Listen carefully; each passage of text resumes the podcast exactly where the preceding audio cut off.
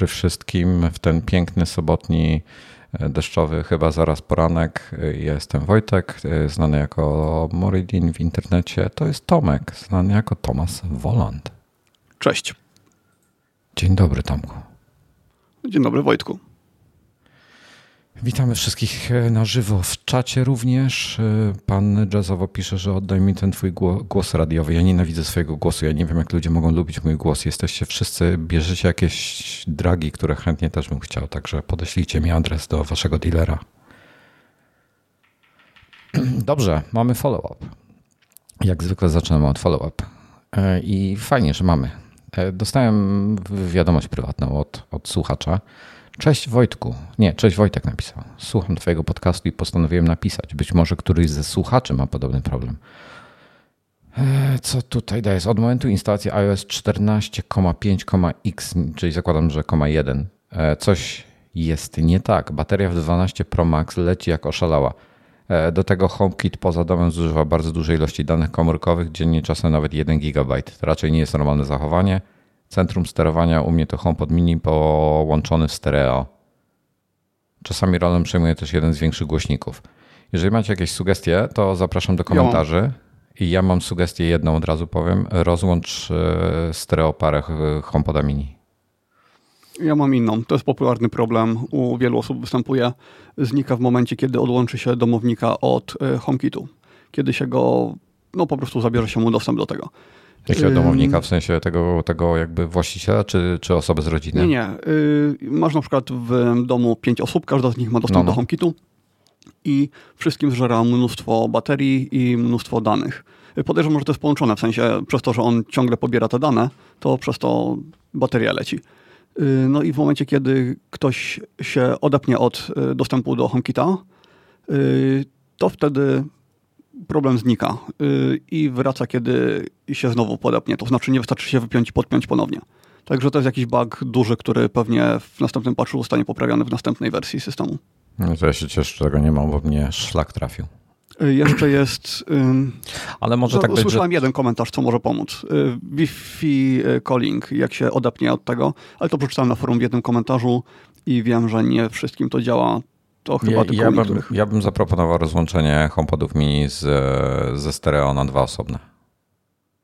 Bo one lubią rozpieprzać sieć i może to powoduje, powoduje jeszcze jakieś inne rzeczy. Dobra, e, drodzy słuchacze, jak macie dla, nie pamiętam, przepraszam twojego imienia, który, osoba, która napisała mi tego tweeta, e, jak macie dla tej osoby e, jakieś porady, to zapraszam do komentarzy, gdziekolwiek by to nie było.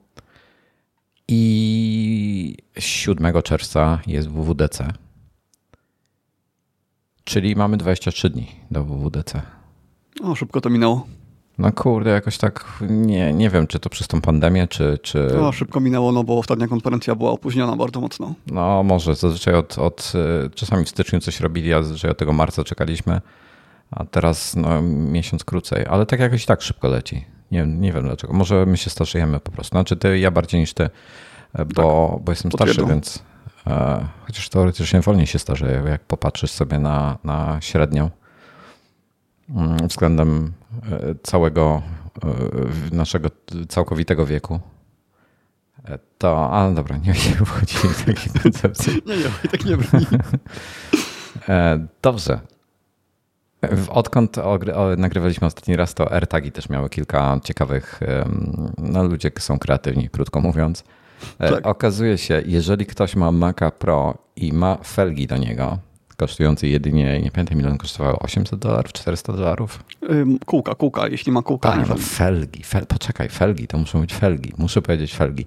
Dlatego, że jeżeli kupicie sobie, chcecie do swoich felg mieć kołpaki z jakiegoś powodu, to kupujecie AirTagi i pasują idealnie do, do środka, do kółek, do felg. Tak. No. no, to kreatywne zastosowanie. Dokładnie. Nie wiem, co więcej bym mógł o tym powiedzieć.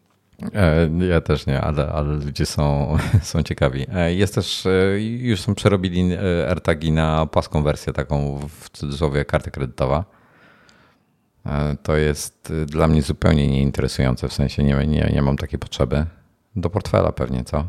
Tylko to takie trochę tak, grube tak, jest. do portfela to wkładają. Przeróbka jest dość prosta. Jest do ściągnięcia plik do wydrukowania na drukarce 3D, y, który ma wycięcie na ten układ elektroniczny i na baterię. Łączy się do ze sobą kabelkami, tak żeby prąd szedł z baterii do układu. Y, I tyle. Nie wygląda to zbyt pięknie, y, bo to jest ten układ cały jest na zewnątrz razem z baterią. Gdyby to chcieć czymś przykryć, no to dodatkowe milimetry by doszły, a w przypadku takiej karty to jest bardzo duża różnica. No ale jeśli ktoś chce mieć w portfelu, to ma taką okazję teraz. Podejrzewam, że zaraz pojawi się jakaś firma trzecia obsługująca ten protokół FindMy, która zrobi coś takiego. Tak, i na pewno pojawią się też takie gotowce. E, ktoś to będzie drukował i zrobi obudowę do tego nie taką plastikową, bo to za grube by było, tylko na przykład jakaś e, mocna folia i wtedy to będzie wciąż cienkie i wytrzymałe. Na pewno się to pojawi.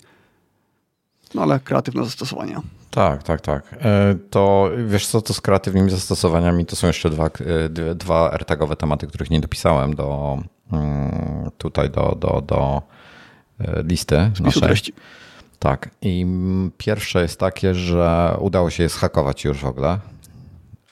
Także tak. E, dwa, drugi gość wziął. To jest ciekawe. E, wziął je, podmienia te informacje, co są wysyłane do, do sieci Find My, bo to jest, e, jest szyfrowane. I, I AirTag wysyła jakieś informacje. Wysyła swoje położenie, swój jakiś numer seryjny i położenie w, w, czy, czy ten swój identyfikator, który zawiera m.in. numer seryjny. I do tego jest doczepiany GPS od iPhone'a, który go zlokalizuje i to idzie w świat. I, i gość yy, tak zhakował AirTaga, że on wysyła inne informacje i udało mu się na swoim iMacu odebrać. Także mhm. de facto nie tylko AirTaga zhakował, ale też sieć Find My. Na razie nikt jeszcze nie wymyślił, jakiś security researcher, jeszcze nie wymyślili, jak e, to można by wykorzystać w niecny sposób, ale no da się. Prędzej czy później ktoś tak zrobi. No przede wszystkim y, jakby był jakiś złodziej, który chce, y, nie wiem, zwinąć ci samochód, który masz AirTaga, no to może skierować w ten sposób jakiś tam pościg czy cokolwiek w zupełnie inną stronę, że samochód porusza się gdzieś indziej. Można by to tak zrobić, prawda? No, mógłby też wziąć AirTaga, wyrzucić przez okno. Tak. No. no. E, także tak. E, nie wiem, no. Aha, ja tam właśnie miałem, e, obiecałem, że powiem coś więcej o tym tem, o tym moim eksperymencie AirTagowym. I co, co jakiś czas, czy gdzie jest Find My, Find My. E, chciałem podać dokładnie kiedy. Samochodu chyba od dwóch czy trzech dni nie ruszałem i wczoraj był. Wczoraj ktoś gdzieś z iPhone'em przechodził koło mojego samochodu, go zlokalizował. Także działa to jako tako.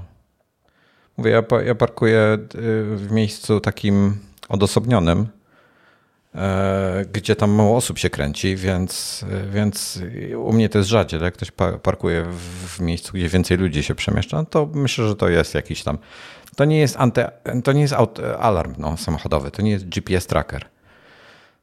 Ale powiem tak, jeżeli ktoś ci zwinie samochód, e, wiesz, ja, ja jak już wspominałem, rzadko ruszam samochód, e, bo mamy, bo pracuję w tej chwili z domu i tak dalej, i tak dalej. Pandemia. Wozisz się e, Porsche ostatnio. Tak, wożę się teraz Porsche 911. Zapraszam na YouTube'a naszego, na iMagazine. Wczoraj wieczorem filmik opublikowałem. Um, nie ma AirTaga w środku. I, i co chciałem powiedzieć? E, także jest to jakaś tam informacja, jeżeli gdzieś ci zawinął samochód, no to dowiesz się o tym wcześniej czy później, bo, bo zobaczysz, że e, AirTag gdzieś tam go zlokalizował wiesz, w innym miejscu niż powinien być. No i już wiemy, że złodziej nie zostanie poinformowany o tym AirTagu wcześniej niż po trzech dniach. Dopiero po trzech dniach jest informacja. Tak, różnie, różni ludzie to testują na różne sposoby. Nie wiem, wiesz co, ja w ogóle dla mnie w ogóle mi nie przyszło do głowy, żeby śledzić tym kogoś. Już, już wie, wiele filmów e, ludzie tam podrzucają innym osobom, gdzieś do samochodów rzucają, do, do torebek, żeby kogoś śledzić. No można, no, ale po co? Nie róbcie yy, takich biorąc, rzeczy. Ja w ogóle o tym nie biorąc, pomyślałem nawet. Pod, biorąc pod uwagę, że to jest aż trzy dni, yy, no to to jest wymarzone narzędzie dla stalkera bo nigdy wcześniej nie mogli aż tak y, namierzać. Tak. Y, ale, tym, ale, ale, ale mhm. jest film na YouTubie i nie wiem, czy to nie jest polski przypadkiem, gdzie y, osoba dostała AirTaga rano, jej wrzucono do torebki, nie wiedziała o nim. Wieczorem, jak, czy tam po południu, jak wróciła do domu, to dostała informację, że jest z nią AirTag. Czyli jest jeszcze nadzieja. Jest nadzieja, no bo... więc to nie zawsze działa pewnie cholera wie, no. No bo trzy dni to jest, to jest dość czasu, żeby wiedzieć, gdzie mieszkasz, gdzie parkujesz samochód, gdzie chodzisz do pracy, gdzie jest twoja ulubiona kawiarnia, jeszcze gdzie odbierasz dziecko ze szkoły. No, wszystko. No, to prawda. No, ale... No dobra, przez następne dni na pewno będą napływały kolejne raporty, może Apple to przekonfiguruje. Ja nie przypuszczam, że to będzie więcej niż kilka godzin. Wydawało mi się to maks. Chociaż z drugiej strony, gdyby było mniej niż 8 y, godzin, no to na przykład ktoś siedzi w pracy, zostawi e, swoje rzeczy, nie wiem, swoją teczkę i idzie w teren, bo ma taką akurat robotę. No mhm. to pracownicy byliby informowani wszyscy wokoło o tym, więc wiesz, 8 godzin to byłoby za mało. Wiesz, jaką mam, e, jaką mam teorię? Że, że w tych testach, co po trzech dniach dopiero daje znać, to jest e, sytuacja, w której ludzie mają wyłączone E, significant Locations. To jest ta funkcja w iOSie, gdzie on ci, on nic z tymi danymi nie robi, one są lokalne, przetrzymywane, przetrzymywane na urządzeniu e, i e, kurczę, znajdę to aż u siebie. I Do czego to służy? Co to robi? Dlaczego warto to włączyć? To jest, Siri to wykorzystuje, czyli jeżeli ja jestem poza domem, wczoraj na przykład jak, jak kręciłem Porsche, wsiadałem do samochodu, podłączyłem telefon do CarPlaya i od razu pojawiło mi się pytanie na ekranie, czy chcę nawigować do domu. E, I kurczę, to nie jest tu, to jest w prywatności chyba. Prywatności, tracking, nie tracking, location services, czyli lokalizację na samym dole usługi systemowe, tak? Jest significant locations i to można sobie wyłączyć.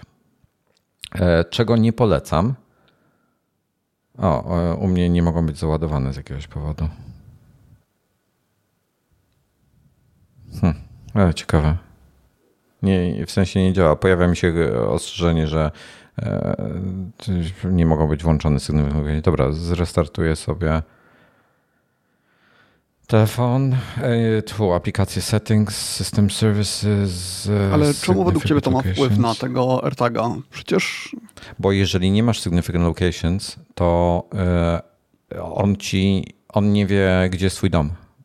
Albo jak nie masz na przykład adresu jeszcze domowego wprowadzonego tam w, w, w swojej karcie w kontakcie, to on mhm. nie wie, gdzie jest Twój dom. I dlatego nie, nie raportuje po trzech dniach, tam przed upływem trzech, trzech dni że masz to włączone, to on wie, że jesteś teraz, do, docierasz do domu. Mhm. Więc e, te significant locations w tej sytuacji są dodatkowym zabezpieczeniem. Włączam, zrestartowałem telefon, bo nie wiem dlaczego. Pierwsza z życiu w ogóle bardzo rzadko to uruchamiam. Te wchodzę tam rzadko w ustawieniach i zawsze mi działało, a teraz nie działa. Mm, a jeśli masz w Apple Maps ustawiony swój dom, no. to to chyba wystarczy wtedy, żeby system wiedział i jakoś to połączył z to, tym AirTagiem. Teoretycznie powinno to wystarczyć, ale nie wiemy, y, jakie kto ma ustawienia prywatności, wiesz? Bo możesz mhm. sobie zablokować to, żeby nikt, y, nic nie mogło z tego korzystać, z tych, z tych danych. No okej, okay, nie ma co gdybać. Yy, Także dalej, bo tutaj nic nie wymyślimy. Czekajmy na kolejne informacje, kolejne tu, testy. No, jest tu wiele niewiadomych i i wiesz, i tam ktoś mówi, że trzy dni ok, ale to może być, to może być przez to, że pewne rzeczy ma ograniczone, wyłączone i tak dalej. O, dobra, teraz zrestartowałem telefon, mi się włączyło. E, I mam na przykład tak. E, mam significant locations, takie rzeczy, które mogę powiedzieć. Na przykład e, most świętokrzyski, tam dronem latałem. Stałem tam z pół godziny, 28 minut Nie, więcej. 42 e, minuty tam byłem. E, I podaję informację. Potem tutaj było o. E, pokazuje mi, że byłem w salonie Porsche na przykład dwa, dwukrotnie, bo tam ostatnio odbierałem samochody. Pokazuje mi, ile razy byłem w domu. w Tykocinie, jak kręciłem tam DJI-em, to, to też mi pokazał. W Białymstoku, jak byłem na szczepieniu. To są takie istotne miejsca, w których przebywałeś trochę dłużej. Nie wiem ile tutaj w Białymstoku na przykład mi pokazuje od godziny 11.42 12.14 i drugi raz 10.48 11.35, czyli jakieś pół godziny wystarczy, żeby ci zanotował to jako istotne miejsce. Okej, okay, czyli on sobie myśli wtedy, może będziesz chciał tam wrócić. Tak, może tak, tak, tak, tak, w przyszłości. No, no, no, więc w tym momencie y, Siri wykorzystuje to. Właśnie głównie jest to w mapach, mapach i, i w nawigacji wykorzystywane, z tego co widziałem, i najczęściej lokalizacja domowa. Być może, y, gdybym miał wprowadzoną lokalizację pracową, to w tym momencie na przykład rano sugerowałby mi, y, czy chcesz teraz nawigować do pracy, jak przykładowo wsiadłem do samochodu rano, będąc w domu, czy tam po, w okolicach no, domu. To jestem przekonany, że tak by działało. No, no, no. E, także tak myślę, że to działa i być może te trzy dni były, jak ktoś miał iPhone'a, właśnie dlatego, że ta funkcja była wyłączona i po prostu oni nie wiedzieli, że jest w domu. No. Znaczy iPhone nie wiedział, że on jest w domu, czy też nie miał tej informacji, no bo to można wszystko powyłączać. Także jak widać, śledzenie, e, włączenie funkcji śledzenia daje dodatkowe bezpieczeństwo. Okej. Okay. E, mamy, były zamówienia niedawno. Y, wysyłki się już rozpoczęły i jest, widziałem już jedną osobę, przynajmniej jedną, być może było więcej, e, Johna Prosera notabene e, na Twitterze, która raportowała, że iMaki, gość dwie sztuki w ogóle zamówił, tak mu się spodobały te iMaki.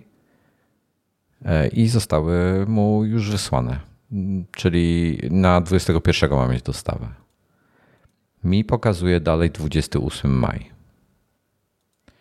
E, mo, moje zamówienia, więc no, jestem smutny z tego powodu. Mam nadzieję, że dojedzie szybciej. iPad oczywiście. Nie e, iMac. Nie, ja iMac'a nie zamówiłem. E, ja mhm. zamówiłem, mhm. zamówiłem, ja zamówiłem jako trzy osobne zamówienia, bo chciałem jak najszybciej, więc e, w odpowiedniej kolejności robiłem. Zamówiłem najpierw iPada. E, jak przeszło zamówienie, to zamówiłem Apple TV. Jak przeszło Apple TV, to zamówiłem klawiaturę do iPada. Mhm. W tym Apple TV e, były jakieś filmy, że to Apple TV nowe będzie wolniejsze od tego starego. No sam taki popełniłem. Tak? No, Aha. nie, nie wierzę w to. Na YouTube'a zapraszam. Te, te, też nie, nie wierzę, bo chodzi o to, że wynik w metalu ma wolniejszy, Natomiast pozostałe wyniki ma szybsze, jeśli chodzi o moc procesora, o moc y, chyba graficzną nie w metalu, tylko tak ogólnie. E, Wielordzeniową samym... ma chyba wolniejszą. Mhm. Ja tam e, podawałem dokładne cyfry, tam porównanie robiłem właśnie. Okay. W praktyce jest tak, musimy poczekać, zobaczyć, e, bo to same suche wyniki to niewiele mówią, bo umówmy się, ta moc, którą ma Apple TV, mając taki A12, to jest i tak e, dużo, dużo więcej niż on potrzebuje, żeby wyświetlać na przykład wideo. E, tutaj mm, lepszym testem są gry. Mm, zobaczymy. I mam oba, e, porównam, zobaczę, jak to się spisuje mm, po prostu na co dzień. Ale szczerze mówiąc, nie widziałem jeszcze. Ocean Horna nie grałem. Przyznaję, że nie grałem w Ocean Horna, który jest ponoć bardzo wymagający graficznie. E, więc, ale nie widziałem nic, żeby mi spadło poniżej 60 klatek na sekundę. A myśmy gadali trochę o NVIDIA Shield no, e, no, przy no, okazji no. tego Apple TV, że podobna cena, możliwości no, większe, mhm. bo ma tego DLSS-a i tak dalej. Yy, znaczy większe, no nie obsłuży HomeKitu, natomiast w niektórych przypadkach większe. I ja sobie poszukałem trochę informacji na ten temat mhm. i zaskoczyła mnie pewna rzecz, że te androidowe przystawki, one co prawda są tanie, ale gdybyś chciał coś oglądać w 4K w 60 klatkach na sekundę, to zapomnij, yy, zapomnij o tym. Yy, można. Mówisz o NVIDII też? Yy, nie, właśnie. O to jest jedyny. I właśnie tutaj jest jedyny okay. przypadek, który, w którym to faktycznie działa porządnie a wszystkie inne przystawki, a przynajmniej wszystkie inne, które ten koleś testował, gdzie ja to oglądałem, a on naprawdę, no nie wiem, jego kanał to jest chyba głównie o testowaniu przystawek telewizyjnych. Mhm. Dużo tego miał, bardzo Czyli dużo. jakieś to jakieś Roku, jakieś Amazona, jakieś tam inne i tak y, dalej, dużo, tak? Dużo jakieś tego, te Fire tak, tak, TV tak, Sticky i tym podobne. Y, tak, to one w 60 klatkach w 4K gubią klatki. Yy, więc jeśli ktoś jest na to wyczulony, to nie dla niego. Dobra, to ja bym chciał przeczytać, bo Nvidia Shield ma, jest w dwóch wersjach. Jest zwykła jest i, jeszcze więcej. Pro. I tak. Mm, tak, tak. I one na przestrzeni lat tam trochę się zmieniały. Tak, to I może nazwę mają tą samą. No, w tej chwili, jeśli chodzi o, o e, funkcję wideo, ta obecna Nvidia Shield e, bez Pro ma, jest 4K HDR ready. Piszą, że wspiera Dolby Vision HDR i HDR10. Upscaleuje. Jak to wygląda? Upscaleuje. Powiedz mi, czy to jest taka rurka jakby, czy to jest To jest ta rurka, to jest ta rurka, okay. to jest zwykłe. E, on upscaleuje przez sztuczną inteligencję. E, materiały 720p i 1080p do 4K, maksymalnie 30 fps, to jest istotne, maksymalnie 30 fps, co w przypadku filmów akurat nie ma znaczenia, bo rzadko kiedy ma coś więcej niż 30 fps, zazwyczaj 24. 4K HDR jest do 60 fps, 4K zwykłe też do 60 fps i dotyczy, to wszystko co powiedziałem dotyczy H264, H265, VP8, VP9 i MPEG 1 i 2. 1080p do 60 fps to jest ze starszych e, kodeków mm, i ma Dolby Atmos. E, High Resolution Audio Playback 24 bity 192 kHz e, poprzez HDMI, jest pass-through DTS-X i jest Dolby Audio, Dolby Digital, Dolby Digital Plus i Atmos też. Ale ten lepszy jest Shield TV Pro, Mm, który w zasadzie, nie wiem, wiesz co, teraz jak patrzę, myślałem, że widziałem jakąś różnicę. Nie widzę żadnej różnicy. A, już widzę. E, ma upsampling audio do wysokiej rozdzielczości, do 24 bitów 192 kHz, co nie wiem, jakby to miało działać. Funkcje wideo są takie same. Y, Pro ma chyba szybszy sprzęt, dzięki czemu nadaje się lepiej do emulacji, bo w ogóle to jest skrzynia, którą ludzie kupują właśnie chcąc mieć różne emulatory. Y, starych PlayStation, jakiś tam Nintendo, mnóstwa tego sprzętu, mnóstwa tych starych konsol. Ma 1 GB, RAM, 1 GB RAMu więcej i 8 GB przestrzeni wbudowanej więcej. Mhm, I można dodatkowo sobie podpiąć y, przestrzeń, no dysk jakiś i chyba kartę pamięci Aha, i ma dużo więcej portów też. Mhm. Tak, ma kartę pamięci, ma dwa razy y, USB 3.0, ma Ethernet, ma HDMI 2.0, ale nie ma 2.1. No, tylko żeby nie było tak zbyt pięknie, no właśnie to HDMI 2.1, y, ale też słyszałem opinię osób, które po przejściu na Apple TV były z niego bardziej zadowolone, że działa na maksa stabilnie, że nigdy nic się nie, przy, nie przycina. Znaczy, ja, ja, powiem, ja powiem ci całkiem szczerze, Tomku, ja nie rozumiem, jak można używać te telewizory w cudzysłowie smart e, bez Apple TV. No, znaczy, mhm. wiesz, ja, to jest to, co... Tak, tak, tego też nie rozumiem. Apple, Apple TV jest znakomite. E, być może są zastosowania, że nie ma jakiejś tam aplikacji dla kogoś, czegoś brakuje ja uważam, że jest świetnie. Ja nie, nie wyobrażam sobie w tej chwili telewizora bez Apple TV. Okay, Apple... Dam ci przykład, kiedy Apple TV bardzo nie domagało. Przez no. lata nie miało 4K na YouTubie. Tak, to, to był duży problem. Ale ja miałem telewizor Full HD wtedy, więc mi to już zupełnie nie przeszkadzało. Mm. Od niedawna mam 4K, więc, e, więc cieszę się teraz, że.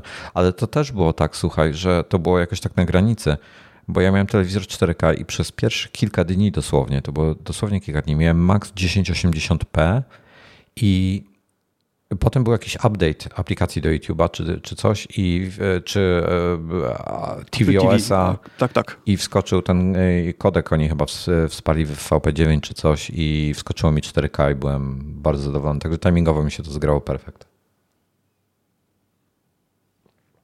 No dobra.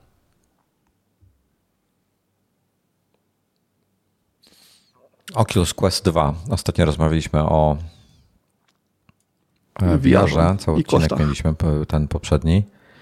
I zapisałem sobie, że mam się zapytać słuchaczy, czy ktoś z Was po tamtym odcinku z jakiegoś powodu dziwnego kupił Oculus Quest 2 za 350 euro, czyli 1600 zł. Dodam, że taniej jest kupić bezpośrednio niż w polskich sklepach. W polskich sklepach mają 200-300 zł marży ekstra. Tak, a kiedyś ta marża była jeszcze dużo, dużo większa. Po ponad 2000 zł kosztowały. No to sporo. E, to jeżeli z jakiegoś powodu kupiliście Questa, dajcie nam proszę znać, bo jesteśmy bardzo ciekawi. Dobrze, Tomek. Własny układ e, klawiatury. Nie wiedziałem. Wiesz co, kiedyś o tym wiedziałem. Bardzo, przez bardzo krótki moment o tym pamiętałem, ale zapomniałem o tym. Ja na to natrafiłem w momencie, kiedy y, próbowałem rozgryźć, bo, bo ja mam tego swojego key, y, Keychron, to się nazywa ta klawiatura chyba, tak? Keychron. Mm, Keychron, Keychron. Y, tak, tak, o, Keychron. K1, K6. Jak kupiłem K6, to tam jest przycisk F1 i F2 i strasznie mnie to irytowało. I natrafiłem wtedy na informację jak, o jak, tym jak To, jak to F1 i F2? To masz chyba aż bo to jest F12. klawiatura 60, bo to jest, tak, nie mam e, rzędów tam od, od F1 do F12 tego okay, nie ma. nie masz funkcyjnego, to no. Jest, tak, tak. Czyli Więc, Keychron K6? Tak. Aż sobie zobaczę. To jest klawiatura mechaniczna o układzie 65%. To jest, tak. E, to jest 65, tak. No i ten F1 i F2 to jest akurat w tym miejscu, gdzie Aha, się wpisuje polskie function, znaki. Function 1 i Function 2. Yy, no Mówisz FN, nie? FN, powiedziałeś no tak, F1. Tak. Nie, najpierw powiedziałem, powiedziałem FN e, i okay, tak dalej, ale jest, powiedziałem, że nie, ma, że nie ma tego górnego od F1 do F12. Powiedziałem, Dobra, ja źle, ja źle zrozumiałem, przepraszam cię. To może ja ci źle odpowiedziałem, bo ja ci powiedziałem, jak ty zapytałeś o te FN, to ja ci odpowiedziałem o tym górnym Dobra. E, rzędzie. To teraz tak jak ty lubisz robić, ja tak zrobię. Tomek teraz e, mówi o tym, nie pokazuje do kamery, ale mówi o tym, a mógłby pokazać. Ja pokazuję do kamery, jest. Szuka, szukałem tej klawiatury, była przykryta e, Pokazuję do kamery klawiaturę 65% Keychron K6, gdzie na dolnym rzędzie obok spacji na prawo są trzy klawisze i potem są strzałki za nimi. I pierwszy klawisz to jest e, Command w przypadku układu Macowego, Zakładam, że Alt w przypadku Windowsowego. Tak, ja sobie zmieniłem kolejność. E, I potem masz dwa klawisze jeszcze i to jest Function 1 i Function 2. Tak, jeśli ktoś jest przyzwyczajony do układu z Windowsa, to nie ma problemu. Ale ja byłem przyzwyczajony do układu Macowego, gdzie y, wciskałem tam, gdzie jest F1, to ja wciskałem, żeby wpisywać polskie znaki. Ale niestety to są jedyne przyciski, których nie da się przemapować. To F1 musi zostać tam, gdzie jest. No więc nauczyłem się korzystać z układu Windowsowego, zamieniłem sobie przycisk e, Alt z komandem, czyli wpisuję polskie znaki naciskając przycisk obok spacji, a nie ten jeden dalej. No i tak sobie radzę i ostatecznie z tym e, programem do zmieniania layoutów nic nie robiłem. E, no właśnie, bo można wprowadzić swój własny układ klawiatury. Akurat tego by się nie dało zmienić, no bo właśnie dlatego, że to jest na stałe stworzone, ale ten układ ten program do layoutów, on służy do czegoś innego, bo ostatecznie ustawienie przycisków zmieniłem programem y, Sharp Keys, tak, Sharp Keys, bardzo popularny. Chciałbym dodać, że ten program jest strasznie debilnie, roz... znaczy, no nie da się inaczej w Windowsie, jest to głupie. SharpKeys działa w ten sposób, że w rejestrze podmienia kod i trzeba wprowadzić zmianę, potem zrestartować Windowsa albo przelogować się chociaż chyba. Tak, przelogowanie wystarczy. Y, nie wiem, jak jest PowerKeys, czy on też korzysta z rejestru, czy nie. Y, nie PowerKeys, y, Power Toys chyba. Już sobie sprawdzam. Nie używałem.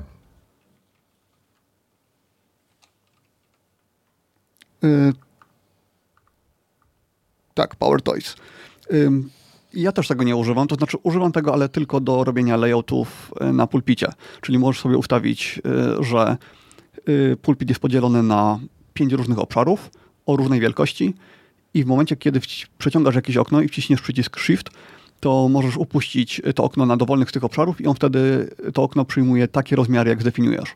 I to jest bardzo fajne, bo mam na przykład obszar na przeglądarkę, mam obszar na jakieś dodatkowe okienka, y, które zawsze chcę mieć w tej samej wielkości. No więc nie muszę tego za każdym razem ustawiać y, ręcznie, tylko mogę tak kilkoma klikami przygotować sobie wszystko. Y, bardzo, bardzo wygodne. Także jeśli ktoś ma Windowsa, to Power, Power Toys e, polecam i tam też da się zmieniać mapowanie przycisków. Nie wiem, czy wymaga restartu. E, no, wracając do układu klawiatury.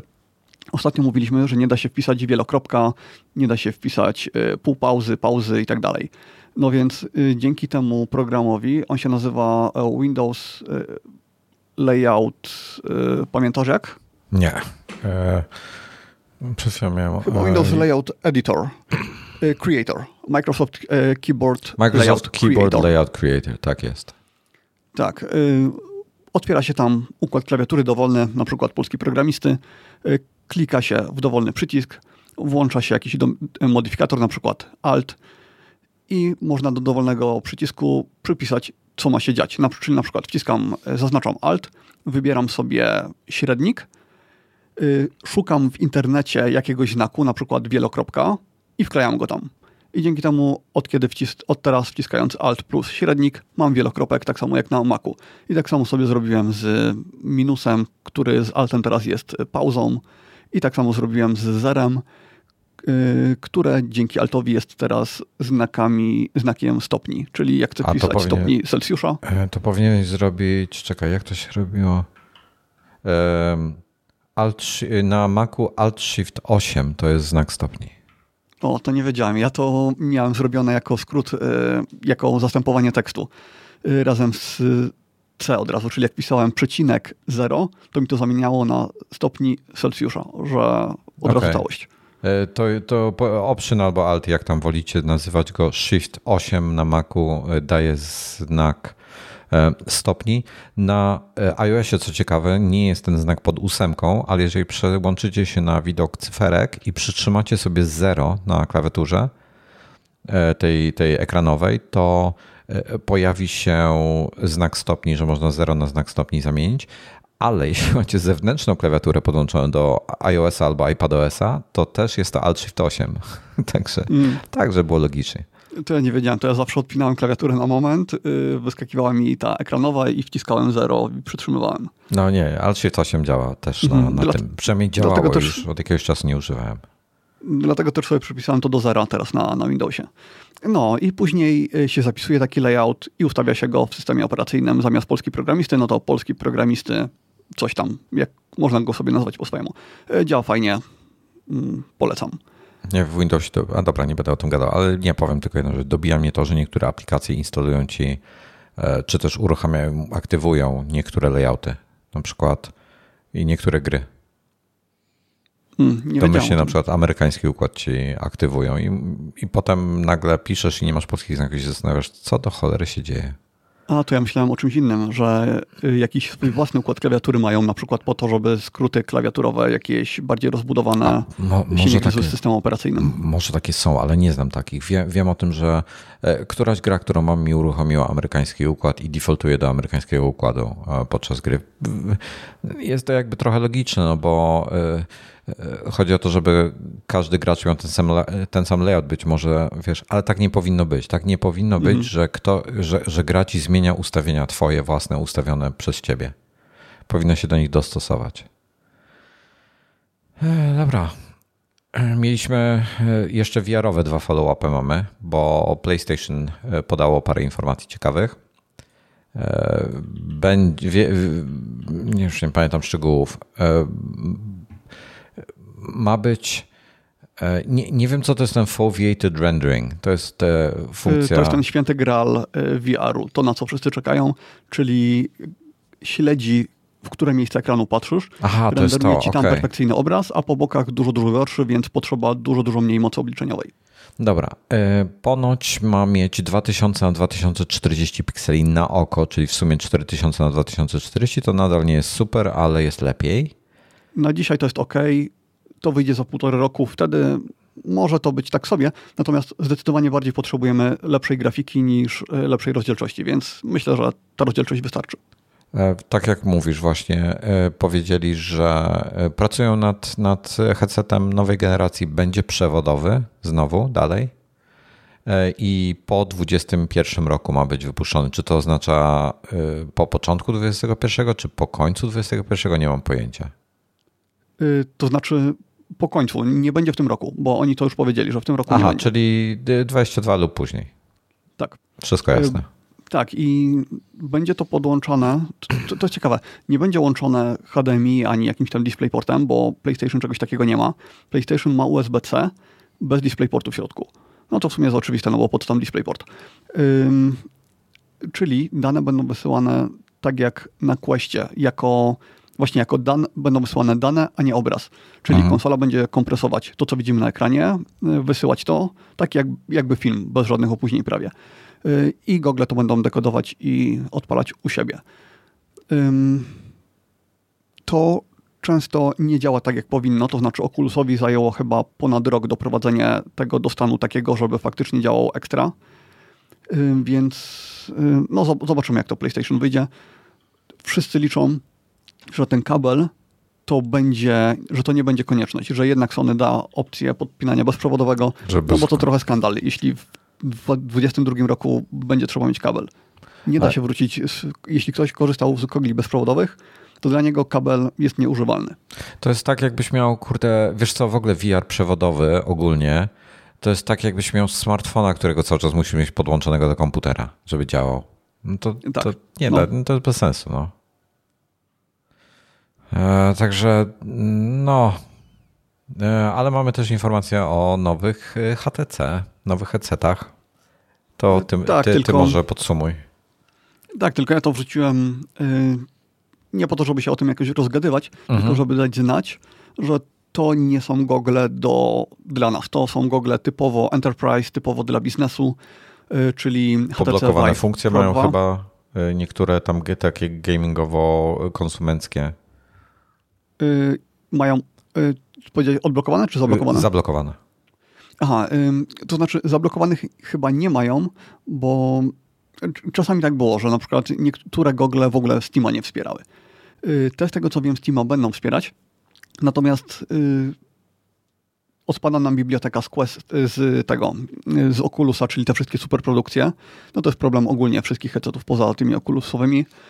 Poza tym, z racji tego, że to są gogle biznesowe, są bardzo drogie, bo 800 e, dolarów chyba i 1500 dolarów, w zależności czy mówimy o Vive Pro 2 czy o Focus 3. E, I to w przypadku tego Vive Pro 2 to jest chyba nawet bez kontrolerów, a na pewno bez stacji, e, bez tych takich, jak to się nazywało? Latarni? Stacji bazowych. O, tak, o latarni, właśnie. Latarni, latarni. No czyli to, co się ustawia, żeby śledziło gogle. No i właśnie, yy, one wymagają tych latarni, one nie mają wbudowanych kamer, które wystarczają do śledzenia. Yy, Focus 3 jest bardziej samodzielny, w ogóle to jest samodzielny headset, który nie wymaga latarni, yy, tylko ludzie nie mają raczej zaufania do HTC. HTC póki co zrobiło y, jeden headset dobrze i to był headset od Valve, tylko po, po prostu oni go wyprodukowali. Więc no, myślę, że dla nas się nic nie zmienia, dla normalnych konsumentów wszystko zostaje po staremu. Y, jedna rzecz jest bardzo ciekawa. Kąty widzenia. Coś dla ciebie. 120 y, stopni w poziomie. To jest bardzo dużo, to jest więcej niż cokolwiek do tej pory mieliśmy, bo do tej pory, jak ktoś podawał, ile stopni mają gogle i podawał 120, to to nie było w poziomie, tylko chyba po przekątnej, czyli mhm. tak trochę wydłużona sztucznie. Oszukała nas. Znasz ten, znasz ten telefon? Nie. Nie znasz tego telefonu? Nie znam. ja ci muszę to puścić. Musisz sobie obejrzeć. Nie, bo tak nie, nie teraz. No, mów dalej. A to nie wiedziałem, słuchaj, to, to, e, to, nie, to nie wiedziałem. E, to, to jest taki, kurde, marketingowy bullshit. No, no. Wojtek, nie szukaj, przecież nie będę teraz oglądał. Nie, nie oglądaj. E, generalnie w skrócie jest, w skrócie jest to, że gość udusił żonę i zadzwonił na. I to jest autentyczne nagranie z jakiegoś tam. Um, no jest, z infolinii no, no, tak, emergency, 112 tak? jakieś tam, czy, czy na karetkę, czy coś tam, czy 997, czy 999, nie, nie, nieistotne. Y, i udusił żonę i gada i tam przedstawia się i mówi, że ją udusił, taki jest roztrzęsiony gość i tak dalej i nagle słyszę jakieś tam wrzaski z tyłu i a, szukała mnie. I ona, wiesz, żyła. Tego, I on do tego nie do, przez ten telefon oszukała mnie. Kurde. Wrzuciłem ci, obejrzeć sobie później, jest to absolutnie boskie, wrzucę też na czat, jak nie znacie, to zapraszam. Um, nie chciałem powiedzieć Polska w pigułce, ale no, ale, ale strasznie komiczna sytuacja. Wiesz co, nie, nie wiedziałem o tym, że podają po przekątnej e, i to jest, to jest nie, nieładnie i nie mhm. lubię nie lubię takich, wiesz, jak ja widzę informacje o kącie widzenia, ja od razu zakładam, że jest to lewo-prawo i nie, nie, pewnie gdzieś drobnym drukiem na samym końcu napisane było, że to jest liczone po przekątnej czy coś. Ja takich rzeczy nie Wiesz sprawdzam. Czasami jest tak, że jest, y, ogólnie się podaje po przekątnej i później gdzieś jest podane osobno dla y, poziomu i dla pionu. No poza tym później y, youtuberzy testują to. Są takie specjalne aplikacje VR, mhm. gdzie masz takie no takie jakby znaczniki, one się rozszerzają i w pewnym momencie przestajesz je widzieć i dzięki temu jesteś w stanie zmierzyć, jak szeroki tam jest rozstaw, jak, jak szeroki jest FOV, czyli ten no, kąt widzenia. Mhm, mhm. Także pojawią się testy i wtedy wyjdzie, ile to ma tak realnie, bo na przykład w zależności od tego, czy masz nasadkę na okulary, czy nie, ta nasadka wydłuża trochę odstęp od y, wyświetlaczy, no to wtedy twój kąt, to co ty widzisz, trochę się zmniejsza. Albo na przykład zakładasz taką y, zamiast tej standardowej maski, nie wiem, taka uszczelka, która łączy gogle z twoją twarzą, zamiast standardowej możesz użyć jakiejś ultra y, wąskiej, takiej bardzo, bardzo cienkiej i dzięki temu przybliżasz się do gogli i widzisz szerzej. Więc to, co nam pokazują, co wyświetlacze są w stanie pokazać, to jest jedno, a to, mhm. co my widzimy, to jest druga sprawa. Y, no i testy wszystko nam powie, y, pokażą, ale na to jeszcze zaczekamy. A skoro to są gogle biznesowe, to tych testów pewnie będzie dużo, dużo mniej, no bo ludzi to nie interesuje zbytnio. No, to bardziej, że wiesz, one są tam średnio dwa razy droższe od e, Oculusa, więc... Yy, tak. Aha, i HTC to jedno tam... nawet pięć razy. HTC. Tak, HTC chyba powiedziało też dosyć wyraźnie, e, nie, nie nazwali Oculusa, e, nie wytknęli ich palcem bezpośrednio, natomiast powiedzieli, że nie interesuje ich model e, wspierania e, wsparcia finansowego gogli sprzedaży, czyli sprzedawania ich poniżej kosztów produkcji i mhm. pomagania sobie softwarem. Tak jak, jak, jak niektóre to firmy robią, tak chyba powiedział gość. Także mhm. mm. no ewidentnie chodzi no o tak, to wiadomo, wiadomo do kogo uderzają. No ja mam problem z tym, że, że ten, szkoda, szkoda że, że Facebook ich kupił, a nie ktoś inny. I, no, ale i dobrze, że Apple ich nie kupił. I dobrze, że Apple ich nie kupił, bo to było to tak, tak. też słabe było. No przypominam, w Facebooku 10 tysięcy osób pracuje nad rozwijaniem VR-u, AR-u, XR-u. Żadna inna firma nie mogłaby sobie na coś takiego pozwolić. Ale wiesz co, tak, tak sobie myślę teraz, tak się zastanawiam nad tym i nie chciałbym, żeby Amazon ich kupił, chociaż na, na pewno nie Apple, bo Apple by po prostu zamknęło to wszystko, ukryli ich w laboratorium i kilka lat później dopiero by coś upuścili. Mhm. Co było aktualnie po roku albo po dwóch latach. Facebooka, no bo to jest zła firma. E, Google, dlatego że pewnie by po paru latach zamknęli projekt z ogromną tak. stratą, bo oni lubią takie rzeczy robić. Chyba najprędzej Amazon z tej wielkiej czwórki. Tutaj ja mam inne marzenie widział. co do headsetu jakiejś firmy. Mnie się marzy, żeby Nvidia się za to wzięła. Tylko, że Nvidia nie ma aż takich budżetów. No. Natomiast ich technologia to, to, jest ten etap, gdzie technologia jest nierozróżniana od magii, to chyba tylko Nvidia coś takiego posiada. I gdyby oni to wszystko zaczęli implementować w goglach VR-u, wspaniałe czasy by nastały. Ale wątpię, żeby to nastąpiło. No, zobaczymy. No, zobaczymy, jak, jak to. Znaczy, wiesz, ja w tej chwili czekam na to, co Apple pokaże. Jestem bardzo ciekawy, e, co oni w ogóle zrobią z tym i jak to będą, jak marketingowo do tego podejdą. Co będą chcieli e, z tym, jak, jak będą chcieli to sprzedać. Komu to będą chcieli sprzedać i za jakie pieniądze. No, zobaczymy. Dobrze, mamy. To był długi follow-up. Follow, follow-up skończyliśmy w końcu. Właśnie patrzę na listę, że już follow-upu nie ma. E, na szczęście więcej. Ale mamy jakieś parę tematów. I e, słuchaj, powiem ci zupełnie szczerze. No tutaj wpisałeś dwa tematy. O, tak, nie masz pojęcia o co chodzi. O MetaHumans. Próbowałem ogarnąć temat. E, I jeszcze o tworzeniu pierwszego komputerowego metaverse. Zakładam, że to jest, że chodzi o stworzenie światu dla tych metahumans. Nie, nie, to nie jest połączone. Nie, to nie jest połączone? Nie, nie. A, a bo to o Epic Games chodzi, tak? Tak. Ten, ten ich metaverse, dobra, ja mam. No to może po kolei. Na temat Epika też nie mam dobrego zdania. E, dobra, MetaHumans, zapraszam.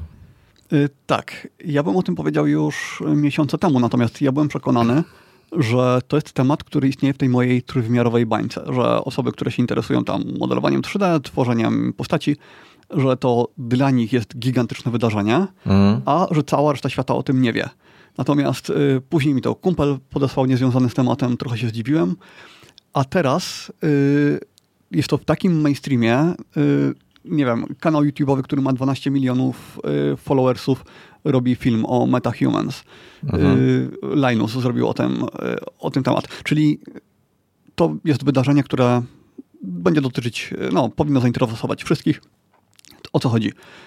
Do tej pory, chcąc stworzyć na przykład jakiegoś NPC-a, charakter niezależny, czy w ogóle jakikolwiek charakter mhm. do gier, po prostu postać do gier, czy do animacji filmowych, do czegokolwiek, trzeba było, gdyby to miało być fotorealistyczne, to trzeba było zatrudnić osobę, która to zrobi, oso os osobę, która ma gigantyczne doświadczenie.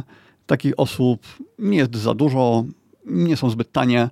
Y, pochłania to duże budżety. Y, jeśli potrzeba mnóstwa NPC-ów, no to każdego tego NPC trzeba wymodelować, szczególnie jeśli będą jakieś cutscenki, jakieś przełowniki filmowe. NPC gdzie... to jest y, non-player character. Tak, charakter niezależny charakter? No, no, jakoś tak. Znaczy, gracz nie ludzki. Tak, to się jakoś tłumaczy tak fajnie. Nie, nie wiem, jak, jak wiesz co, aż przez translator charakter puszczę. niezależny, ale nie, nie pamiętam. czy gracz niezależny? No, nie, nieważne. MetaHuman sprawia, Postać nie będąca że... graczem. Nie, to ma jakieś fajniejsze tłumaczenie. To tak jest. Postać niezależna, postać niezależna. O, chyba tak to było. Nie charakter niezależny, tylko postać tak. niezależna. Okej, okay, no. Tak, tak. Okej. Okay. No i MetaHuman to jest narzędzie stworzone przez Epika, które sprawia, że nagle osoby bez żadnych umiejętności mhm. potrafią tworzyć takie postacie. Ym, I działa to tak, że mamy do dyspozycji Aha, no i efekt finalny jest taki, że to są bardzo realistyczne postacie, takie naprawdę bardzo można ich używać w przewodnikach filmowych yy, bez problemu. I działa to tak, że bierzemy sobie trzy różne postacie, których później cechy wyglądu chcemy zmiksować. I na przykład wybieramy sobie nos od jednego, od jednej postaci, usta od drugiej, coś tam od trzeciej, kolor skóry i tak dalej. Więc już na starcie mamy nie zaczynamy z pojedynczymi poligonami z jakąś kulką, bo normalnie jak chcesz wymodelować postać, to masz kulkę i tyle. Po prostu zwykłe coś, co wygląda jak piłka. I zaczynasz to ugniatać, zaczynasz to rozciągać w różnych miejscach, aż koniec końców masz postać, która ma włosy, ma w ogóle wszystko, wszystko, każdą pojedynczą porę. I później musisz to jeszcze, jak to powiedzieć, zrigować, musisz nanieść szkielet, włożyć do środka tej postaci szkielet, połączyć go z kończynami, yy, musisz zaanimować ruch i tak dalej. W MetaHuman masz to wszystko od razu. No i masz te trzy postacie, które miksujesz ze sobą i później możesz dodać jeszcze kolejne postacie do miksu albo zmienić im po kolei yy, konkretne fragmenty ciała. Poszerzyć nos, powiększyć usta, Y, nie daje to takich możliwości jak ręczne modelowanie, daje możliwości dużo, dużo mniejsze, ale nagle ci wszyscy indie deweloperzy y, gier zyskują dostęp do postaci, na które wcześniej nie mogliby sobie pozwolić, albo pochłonęłoby to gigantyczną część ich budżetu. Więc y, zapowiada się, że będzie to mieć bardzo, bardzo duży wpływ na branżę grową. no, na filmową pewnie mniej. E, no i takie postacie można sobie zaimportować do Unreal Engine i one są już właśnie z racji tego, że one mają ten cały szkielet, to wszystko, to są gotowe do, mm, no, do, do użytku. E, do Unreala możesz też sobie podpiąć e, na przykład iPhone'a mm, i użyć Face ID do przeniesienia swojej własnej mimiki na mimikę tej postaci. Czyli stawiasz sobie iPhone'a na statywie przed sobą, zaczynasz coś gadać, nagrywasz swój głos, i jednocześnie nagrywasz ruch swoich ust, więc y, zgrywa się z tym, co mówisz. Y, wcześniej do takich rzeczy potrzeba było mnóstwa pieniędzy, dużego budżetu. Od kiedy wyszedł iPhone 10, no to właśnie indie deweloperzy mogli zacząć robić coś takiego, no a ten MetaHuman to jest kolejny etap. Bardzo polecam wejście sobie na stronę MetaHuman, właśnie jaka to strona, no tam Wojtek y, zlinkuje, w opisie. Ten, ten unrealengine.com, o tym adresie mówisz? Y, chyba tak. No to będzie w opisie odcinka. Tak, tak. Zobaczcie sobie, jak bardzo realistyczne to jest. To nie jest poziom hiperrealizmu. To nie jest taki poziom, y, jaki potrafią osiągnąć najlepsi y, rzeźbiarze 3D. Natomiast to jest to, co do gier nam wystarczy i zobaczcie sobie, jaka tam jest mimika. To znaczy, nie wiem, postać nabierze pełne usta powietrza, zacznie się jakoś dziwnie wyginać, y, nos wyginać, y, jakieś miny takich, których na co dzień nie robimy, to wszystko też tam działa. Y, może nie jest w stanie przenieść w 100% wszystkich naszych reakcji, ale żeby zrobić grę bez, bez problemu. I w związku z tym wróżę bardzo duży przyrost VTuber, VTuberów, jak to powiedzieć wyraźnie, y, V-tuber. Kojarzysz coś takiego? VTuber. To są ci wirtualni tacy, znaczy w sensie co, e, co ten starszy facet, co był 16-letnią dziewczynką, tak? O te, tego typu ludziach mówisz? Tak, tak, tylko on chyba to robił gdzieś tam na, nie, nie na, YouTube, nie na YouTube, nie, to nie ale... YouTube, na jakimś TikToku tak, czy tak. innym Twitchu. E, tak, a VTuberzy to są mm, wirtualni YouTuberzy, którzy mają na przykład swoje kanały na Twitchu, robią live'y i ten live wygląda tak, że powiedzmy, chcę być takim VTuberem, więc zakładam sobie y, na głowę wydrukowane z 3D mocowanie do iPhone'a. Dzięki temu, jak będę obracał głową, w ogóle cokolwiek bym nie robił, to cały czas będzie widać moją mimikę. Ten iPhone tą mimikę przeniesie do 3D y, i ludzie widzą nie mnie takiego w kamerze, tylko widzą tą moją postać, którą sobie zaprojektuję. No i to może być y, człowiek ultrarealistyczny, może to być człowiek, który wygląda jak z mangi, y, czy tam jak z anim, albo może to być wielki, nie wiem, banan gigant, y, który zamiast rąk ma ogórki. Cokolwiek sobie wymyślicie, można to zrobić. Y, niektórzy VTuberzy zrobili całkiem dużą karierę, na przykład występują w reklamach, IKEA używała jakiegoś VTubera, no robi się to coraz bardziej popularne, natomiast do tej pory to byli głównie VTuberzy nie wyglądający realistycznie. Głównie właśnie klimat mangi. Y, kojarzę tylko jedną postać, która wygląda w miarę realistycznie i drugą, która wygląda y, tak, że można by się pomylić, można by pomyśleć, że jest człowiekiem. Właściwie nigdy by mi nie przyszło do głowy, że nie jest człowiekiem. Y, natomiast ona jest czarnoskóra i przez to jest to dużo łatwiej zrobić, bo nie widać tak detali na skórze. Na przykład porów nie widać tak bardzo mm, no ten kolor skóry to ułatwia. W przypadku osób z jasną karnacją jest to jednak trudniejsze. Y, no i to chyba, to chyba tyle. Ja, ja mam na Ciebie bardzo, bardzo ważne pytanie. Co tak. mam zrobić, żebyśmy by z tego mogli korzystać? Na razie to jest w fazie beta. Kilka miesięcy temu się na to zapisałem. Do dzisiaj nie dali mi dostępu. To docelowo jest czymś raczej dla firm niż dla pojedynczych osób. Natomiast na pewno pojawią się jakiś, jacyś pośrednicy, na pewno pojawią się jakieś opcje, żeby to mm, ogarnąć dla jednej osoby, no albo może Epic wprowadzi taką funkcję. Y, nie jest chyba znane jeszcze, mm, nie są chyba jeszcze znane zasady licencjonowania, y, opłaty. Na razie sprawdzają, jak to działa, dodają nowe funkcje. Y, no i na razie działa to całkiem fajnie. Podejrzewam, że będzie bardzo dużo e, facetów przerobionych na kobiety na wszelkich różnych socialach i tak dalej. No, na pewno. E, żeby sobie zwiększyć popularność. I zamiast, e, zamiast nie wiem, no dobra, już nie będę chodził w ten temat. No, już też były takie, takie przypadki, tak, tak, już tam mówiliśmy. Tak, no dobra, e, zobaczymy. metaverse. Zdefiniuj, zdefiniuj metaverse. E, no właśnie, to jest ciężko zdefiniować. Generalnie metaverse to jest coś, co wychodzi poza e, universe, czyli poza mm, uniwersum. Powiedzmy, że Marvel to jest uniwersum Marvela, tak? Tak się chyba na to mówi. Czyli te ich różne filmy, one się ze sobą w jakiś tam sposób łączą. E, gdybyśmy połączyli uniwersum Marvela z uniwersum DC i z różnymi innymi, nie wiem, z Jamesem Bondem, to chyba moglibyśmy mówić wtedy o e, metaverse.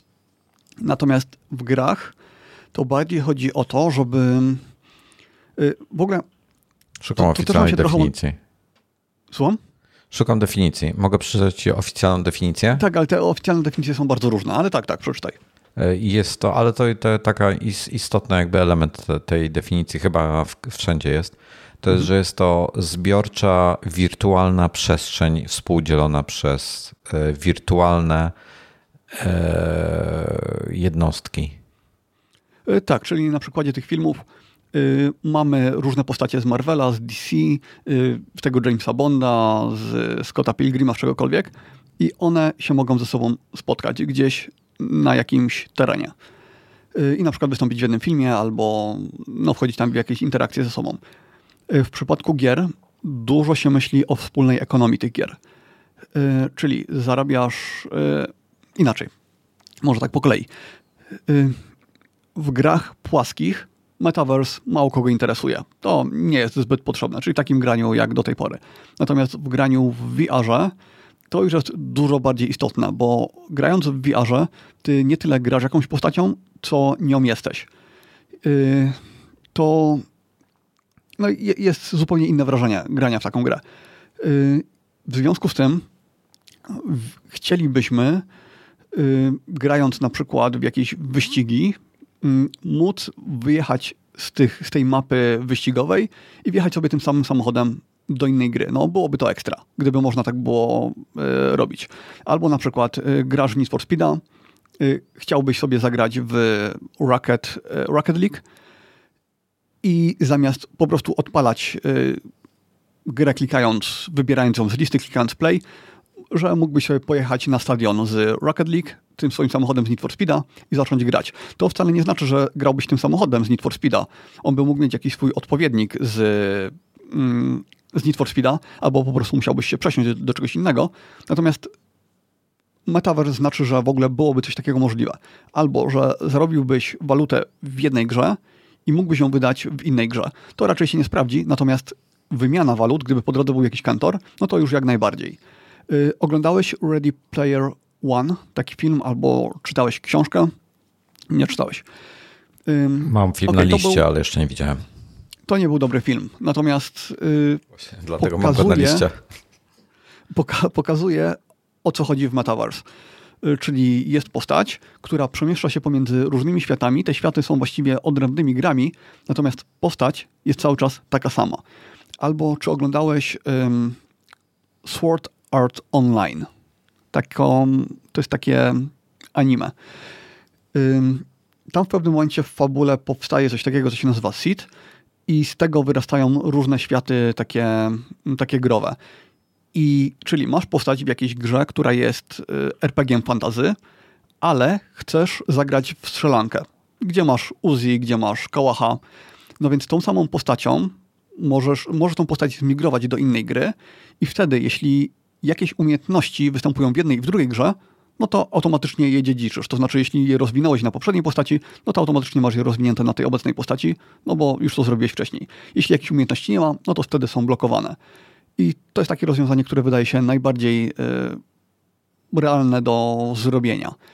Y, no i Epic zaczął pracę nad takim metaverse, a właściwie zaczął pozyskiwanie funduszy i miliard dolarów na to mają już w tej chwili czyli gigantyczna inwestycja, ogromna.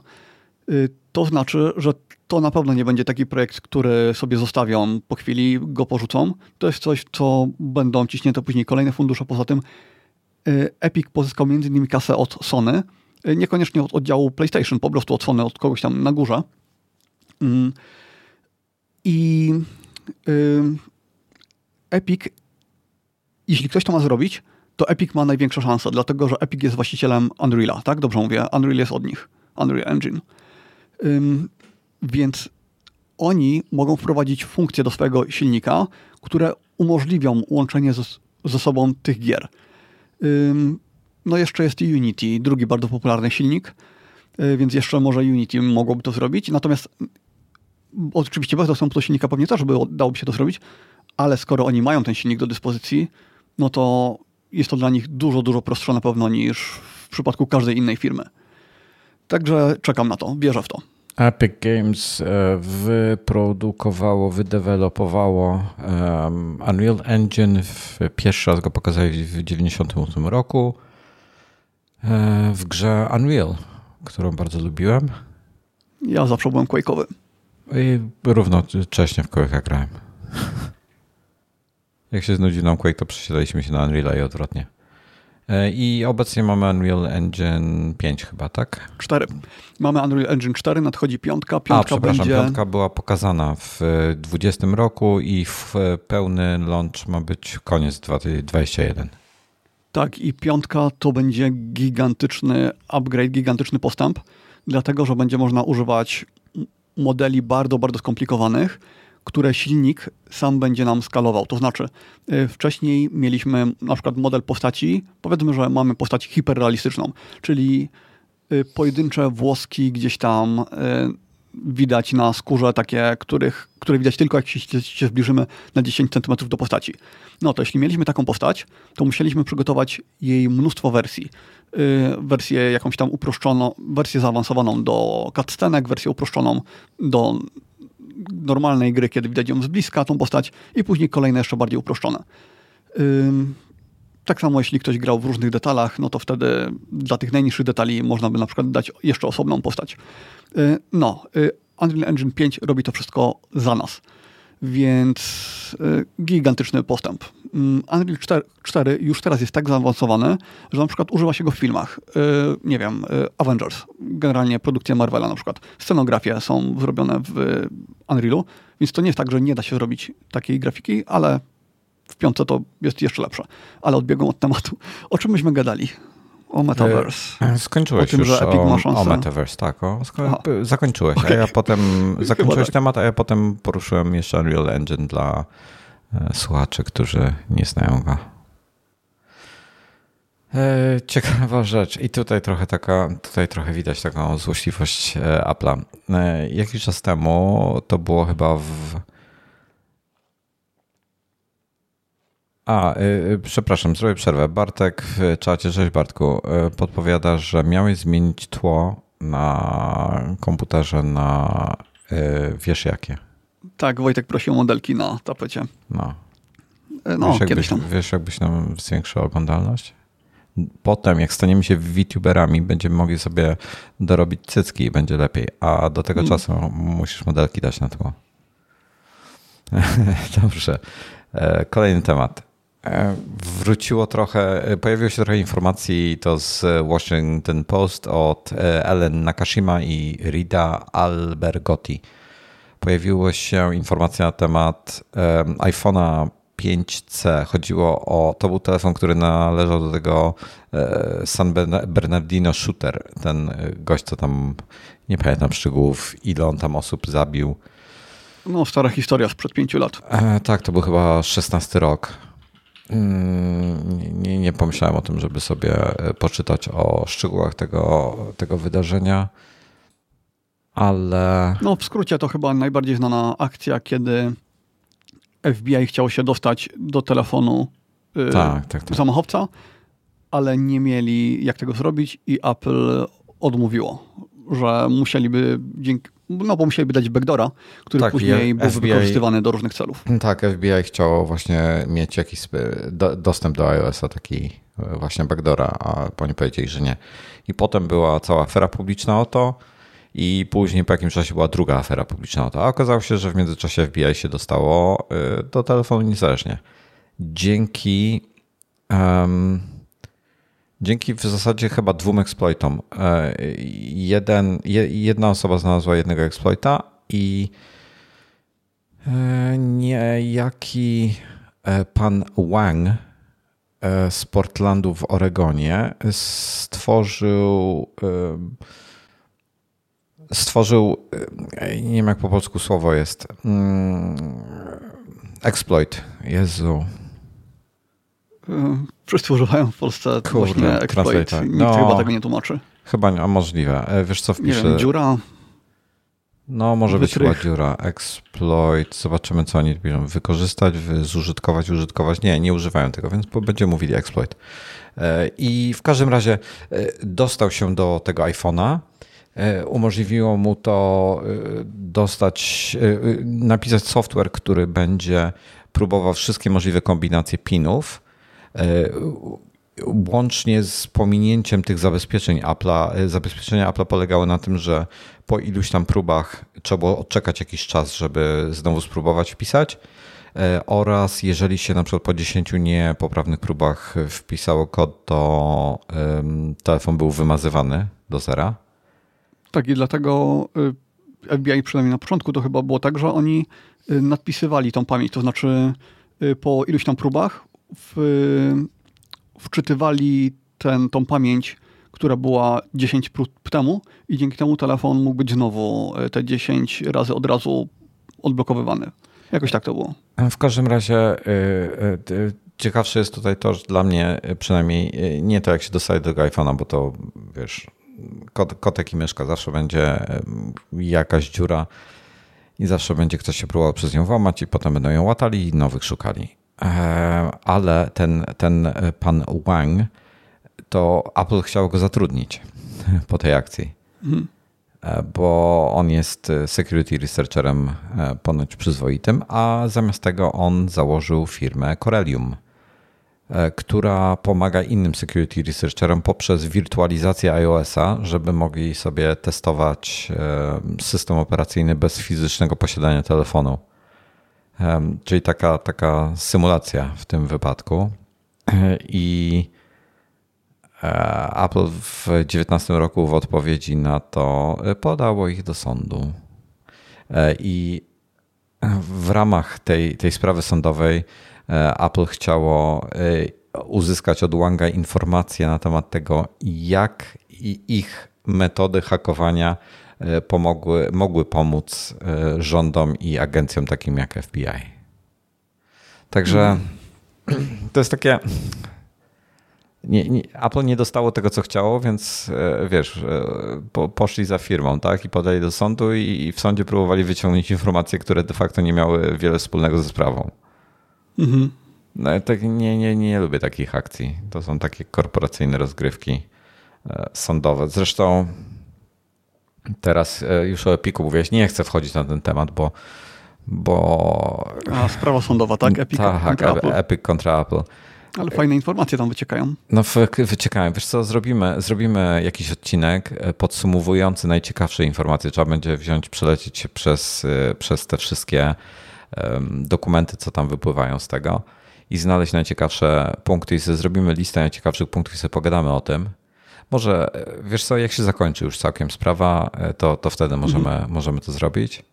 Może, nie wiem kiedy to będzie. Nie wiem, czy już nie za tydzień będzie tak, Chociaż taka. myślę, że drugi raz nie zapomną ocenzurować dokumentów przed ich wypuszczeniem, że tak, coś takiego się chyba drugi raz nie, nie zdarzy. W ogóle, no. że to się raz zdarzyło, to był, jak to jest w ogóle możliwe. No bo tak, bo my będziemy w przyszły piątek nagrywali. Nie wiem, czy nie byłoby dobrym pomysłem przenieść nagrania na e, sobotę ewentualnie. E, z takiego względu, że z takiego względu, wiesz co kombinuję, bo 21. Aha, kurczę, ale mi się pochrzeniło. Ja cały czas w głowie myślę, że 21 przyjadą moje zabawki od Apple'a. A to nieprawda. Ale dobra, to możemy w piątek nagrywać, bo mi 28 mam przyjechać. Możemy w piątek nagrywać, na pewno e, w przyszłym tygodniu pogadamy o tym, bo będą już recenzje, chyba 18 czy 19 mają wyjść e, recenzje pierwsze iMaców, iPadów, e, pewnie Apple TV też będzie, więc będziemy mogli już na ten temat porozmawiać. I ja te moje sztuki otrzymam pewnie tydzień później, więc, więc, więc też na ten temat pogadamy. I jeżeli będziemy nagrywać 28 w piątek, no to dopiero za trzy odcinki o tym porozmawiamy, a jeżeli przesuniemy na sobotę, to ewentualnie możemy e, za dwa odcinki, więc zobaczymy. No i gdzieś tam wciśniemy tego Epic, e, Epic kontra Apple, ale chciałbym zrobić z tego osobny odcinek, bo chciałbym te wszystkie te najciekawsze takie, takie soczyste, kurde, bo tam jest trochę tego po prostu. Jest, jest. A najbardziej, wiesz co, jak, jak jak ja wiem, że to są, to są prawnicy i oni swoje gadają i tak dalej i, i um, to jest jakaś obrana strategia i tym podobne rzeczy, ale kurde, jak przeczytałem, że Apple sobie przypisuje e, sukcesy deweloperów trzecich e, sobie, to no, aż niedobrze mi się zrobiło od tego. No, także dobra. Nie, odłożymy to na później. E, zresztą e, tematy propozycji na później dopiszę. Mamy tutaj Epic e, versus Apple. Nintendo, aha, to, to już jest temat, który od dłuższego czasu leży u nas i czeka na, na mm, omówienie i to jest to, że Logitech zakończył produkcję tych swoich uniwersalnych remote'ów Harmony gdzie do niedawna korzystałem z niego, ale odkąd mam nowy telewizor i HDMI 2.1 i CECA wszędzie, to w zasadzie jest mi zupełnie zbędny. E, I nie, nie wiem, czy, czy to jest duża strata, że, że oni dla, dla świata, że zakończyli sprzedaż tych e, pilotów uniwersalnych? Mm, ja go używam jako mój podstawowy. Używam tego Harmony y, Companion coś tam, czyli mhm. ten taki w miarę kompaktowy, bez wyświetlacza. To jest ten, co ja mam. Ja go mhm. używałem z HomeKitem w ogóle przez, e, przez Home. Tak, ja też. Jak się nazywa ten. ten... Homebridge. Homebridge, właśnie. Przez Homebridge używałem go z HomeKitem. Yy, tak, no właśnie. I yy, to jest jedno z najciekawszych zastosowań. Niestety Logitech nigdy się nie pokusił o zrobienie certyfikacji i o wydanie tego natywnie w HomeKicie. Szkoda. Nawet jakby zrobili swój własny plugin do Homebridge'a, taki, który po prostu by działał stabilnie jak, skano, jak skała i obsługiwał wszystkie funkcje, to by mi wystarczyło. Niektóre firmy tak robią. No, były były jakieś jaja z pluginami i przy okazji jeszcze tam zamknęli. Oj, było.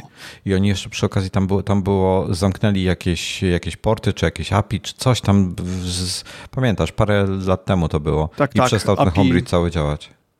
Tak, wyłączyli to. to no lokal... chyba właśnie API wyłączyli. Jakieś lokalne API tam jest.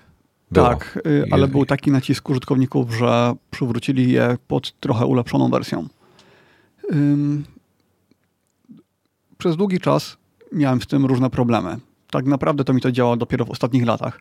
Yy, lata temu, tam nie wiem, 4 lata temu, to pod Homebridge'em nie umiałem tego nigdy doprowadzić do porządku. Ciągle miałem ciągle jakieś problemy. Teraz jest ok. To, co mówiłeś o tym cecu, faktycznie zapotrzebowanie na coś takiego w tej chwili jest 100 razy mniejsze niż było tam, nie wiem, 10 lat temu. W ogóle bez porównania. E, no bo jeszcze powiedzmy, mm, no właśnie, bo już w sumie od 10 lat to jest takie popularne, prawda? Ja się... Nie, nie umiem, ci, nie umiem ci odpowiedzieć, czy to jest dalej potrzebne. Chyba faktycznie nie, ja się nad tym nie zastanawiałem, ale jak tak teraz myślę, ja myślę, że to byłoby fajne przy jakichkolwiek niszowych projektach, takich majsterkowiczów i tak dalej, bo wiesz, e, e, dokupić, dołożyć do jakiegokolwiek urządzenia, nie musi być to telewizor czy cokolwiek, wiesz, nie, nie mówię tu o takich rzeczach, mówię tu o tym, nie wiem, na przykład do bramy garażowej albo do jakiegoś urządzenia, dołożyć sobie odbiornik e, tej podczerwieni, żeby jakąś tam funkcję e, to uruchamiało i potem możesz sobie z takiego pilota sterować czymś takim, prawda? Mhm. Gdzieś wyleciały mi z głowy w tej chwili zupełnie E, konkretne przypadki. Gdzieś kiedyś czytałem o naprawdę ciekawych zastosowaniach takiego pilota, gdzie ktoś na podstawie jakiegoś Arduino czy, czy innego um, Raspberry Pi budował jakiś tam układ do sterowania, był tam właśnie e, odbiornik e, podczerwieni i tak dalej, i tak dalej. I, jakieś ciekawe zastosowanie, naprawdę ciekawe zastosowanie do tych, do tych rzeczy mieli. Natomiast to, są, to jest chyba bardzo niszowe. Wiesz co, jak się popatrzysz w tej chwili na integrację, jeśli chodzi o... Ja na przykład, e, ja moim pilotem od telewizora mogę sterować podstawowymi funkcjami Apple TV. Bez sięgania po pilota Apple TV. Jeżeli przypadkiem akurat nie mam go pod ręką, czy najczęściej e, leży na stole w kuchni, a, a pilot od telewizora leży w, w salonie, więc jeżeli mi się nie chce, no to mogę podstawowe rzeczy obsługiwać e, poprzez właśnie tego pilota. I i tak samo pilotem od Apple TV mogę sterować niektórymi funkcjami telewizora, więc wiesz, to zmieniło się w, w ostatnich latach wiele w tej kwestii. Mm, myślę, co tutaj dodać, ale to, ja nie lubię tego pilota z Apple TV, więc dlatego używam Harmony, natomiast nowy pilot z Apple TV jest lepszy. Yy, jest jedno, jedno zastosowanie, w którym ciężko byłoby to zastąpić, Chociaż, kurczę, nie wiem. Y, PlayStation 4. Pamiętam, nie wiem jak jest w piątce, natomiast w czwórce miałem tak, że klikałem sobie na Harmony mm, scenę do oglądania telewizji i on mi się automatycznie przeklikiwał przez te wszystkie menu, usypiał konsolę, zmieniał y, HDMI na moim Switchu. Mm, jak się to robiło ręcznie, no to było tam spada, to było więcej klikania. Y, natomiast nawet jak Switcha już miałem, pamiętam, to nie y, w sensie zdokowanego do telewizora podpiętego, to już nawet nie ustawiałem osobnej sceny, no bo i tak jeśli na padzie kliknąłem przycisk odpalania konsoli, to automatycznie mi przełączało HDMI, więc nie, nie potrzebowałem do tego Harmony, a w momencie, kiedy wyłączałem konsolę, to automatycznie HDMI mi, HDMI mi chyba wracał z powrotem, więc no... Ja w ogóle powiem chyba tego nie potrzebuję już. Powiem ci ciekawą rzecz, którą się zupełnie przypadkiem dowiedziałem. E, jak te, odcinek chyba o telewizorze moim już był, jak nie, to jest e, wątek na iMagu. Tak, Kupiłem tak, telewizor był. Sony, bo spełniał moje oczekiwania budżetowe. Jeszcze były mega promocje na niego, więc zapłaciłem dużo mniej niż chciałem. W, skró w skrócie nie jest to, to jest LCD, nie jest to e, mini LED, przepraszam, to jest chyba oficjalnie. E, nie jest to żaden OLED i tak dalej, nie jest to najnowsza technologia. Ja jestem z niego bardzo zadowolony. Powiem szczerze, myślałem, że będzie dużo gorzej. Autentycznie, bo przesiadałem się z topowej plazmy sprzed wielu, wielu lat i myślałem, że po prostu będę niezadowolony. Natomiast jestem naprawdę zadowolony z tego telewizora. Ok, jak świeci na niego słońce, to nie, jak są ciemne sceny, to niewiele widać. No ale to już doszliśmy y, do tego, że potrzebujesz zamontować rolety. Tak. No, dokładnie. I, y, I rozmawialiśmy na ten temat. I słuchaj, ja z góry założyłem, że tak jak w każdym innym telewizorze, z jakim miałem doświadczenia dotychczas, a nie mam dużo doświadczeń z, telewizorami, pilot, który do, dostajesz z telewizorem, jest na podczerwień, prawda? No bo to jest logiczne. No, często tak. E, ten nie jest na podczerwień, on jest na Bluetooth. I mm. był fabrycznie sparowany z telewizorem. Więc nie muszę nawet go, wiesz, podnosić, gdziekolwiek kierować w stronę telewizora, co robiłem na początku. Tylko gdziekolwiek I, jest, tam sobie naciskam i tyle. I właśnie mi przypomniałeś, dlaczego ja tak lubię Harmony. Bo tak. ja tego pilota właściwie nie muszę podnosić y, w ogóle z tego, ze gdziekolwiek stolika. Nie leży, może być wycelowany gdziekolwiek. Dokładnie, tak. naciskasz przycisk i, i działa. No, to jest fajne. Mhm. E, to jest fajne. Ale słuchaj, no już, już Bluetooth, jak się okazuje, w telewizorach, normalnie w pilotach od telewizorów fabrycznie dostarczany, także... A działa błyskawicznie, czy jest jakieś opóźnienia? Gdzie? Na przykład wciskasz przycisk i od razu. pół sekundy. Od okay. razu. No, ja i tak nie. Ja bardzo rzadko wybudzam, w ogóle bardzo rzadko używam pilota telewizora, w zasadzie wszystko robię głosowo, czyli e, telewizor idę, jak idę w kierunku salonu, już to w powietrze krzyczę tylko, żeby do, do e, mojej towarzyszki, asystentki, która czasami po prostu ostatnio moja żona tak się nabija ze mnie, bo mam z nią tak, takie dziwne dyskusje i ja coś mówię, a ona na jakiś zupełnie inny temat mi odpowiada, ale to nawet niepodobne. To nie jest to, że ona mnie źle zrozumiała. To jest to, że ona, ja mówię o pogodzie, a ona mi sugeruje, żebym obejrzał mecz sportowy, który będzie jutro, tak? To mm. jest w ogóle totalna abstrakcja. I Iwona się strasznie nabija ostatnio z nas. E, ale, ale jak mnie zrozumie, to rzucę w powietrze, że, żeby e, obudzi, e, obudziła po prostu Apple TV, bo to też tego nie było, tej funkcji nie było jakiś czas. Nie dało się za jej pomocą sterować Apple TV jako taki, jako takim. I, ale już się da, można powiedzieć. Ja korzystam z komendy głosowej, żeby go wybudzać i usypiać często. Okej, okay, czyli robisz to bez HomeBridge'a, tak? Bez, bez Harmony. Tak, Harmony już nie używam. Odkąd, odkąd mam nowy TV nie używam Harmony, bo pozbyłem się też um, amplitunera, więc który, który musiał być obsługiwany przez to, bo on nie ma, y, on nawet ceca nie ma. No właśnie, y, bo przypomniałeś mi, do czego ja tego Harmony jeszcze używam, właśnie do hmm. tych komend głosowych, że gadam do zegarka, uruchom mi telewizor, wyłącz i tak dalej, no i to się dzieje. Mhm. No, więc... no ale teraz e, chyba wciąż nie wszystkie telewizory mają integrację z HomeKitem, ale coraz więcej. Tak, tak. No i to jest też ciekawe, bo to, to w zasadzie to był jedyny telewizor, który miał HomeKita, HDMI 2.1, rozsądną cenę i, i co jeszcze miał? Jeszcze jedną rzecz. Zmienne odświeżanie. No to z HDMI 2.1 te wszystkie bajery są. Ale nie, nie, nie wszystkie chyba HDMI 2.1 mają zmienne odświeżanie. A, a, a tym bardziej wie... działające, bo Samsung ma gigantyczne problemy. E, aha, i Dolby Vision. O, już jeszcze. I, i Dolby Vision. Mhm. To jest kolejna rzecz. To, to chciałem. Y, VRR, czyli te, te Variable Refresh Rate, z tego co wiem, to, to też ma.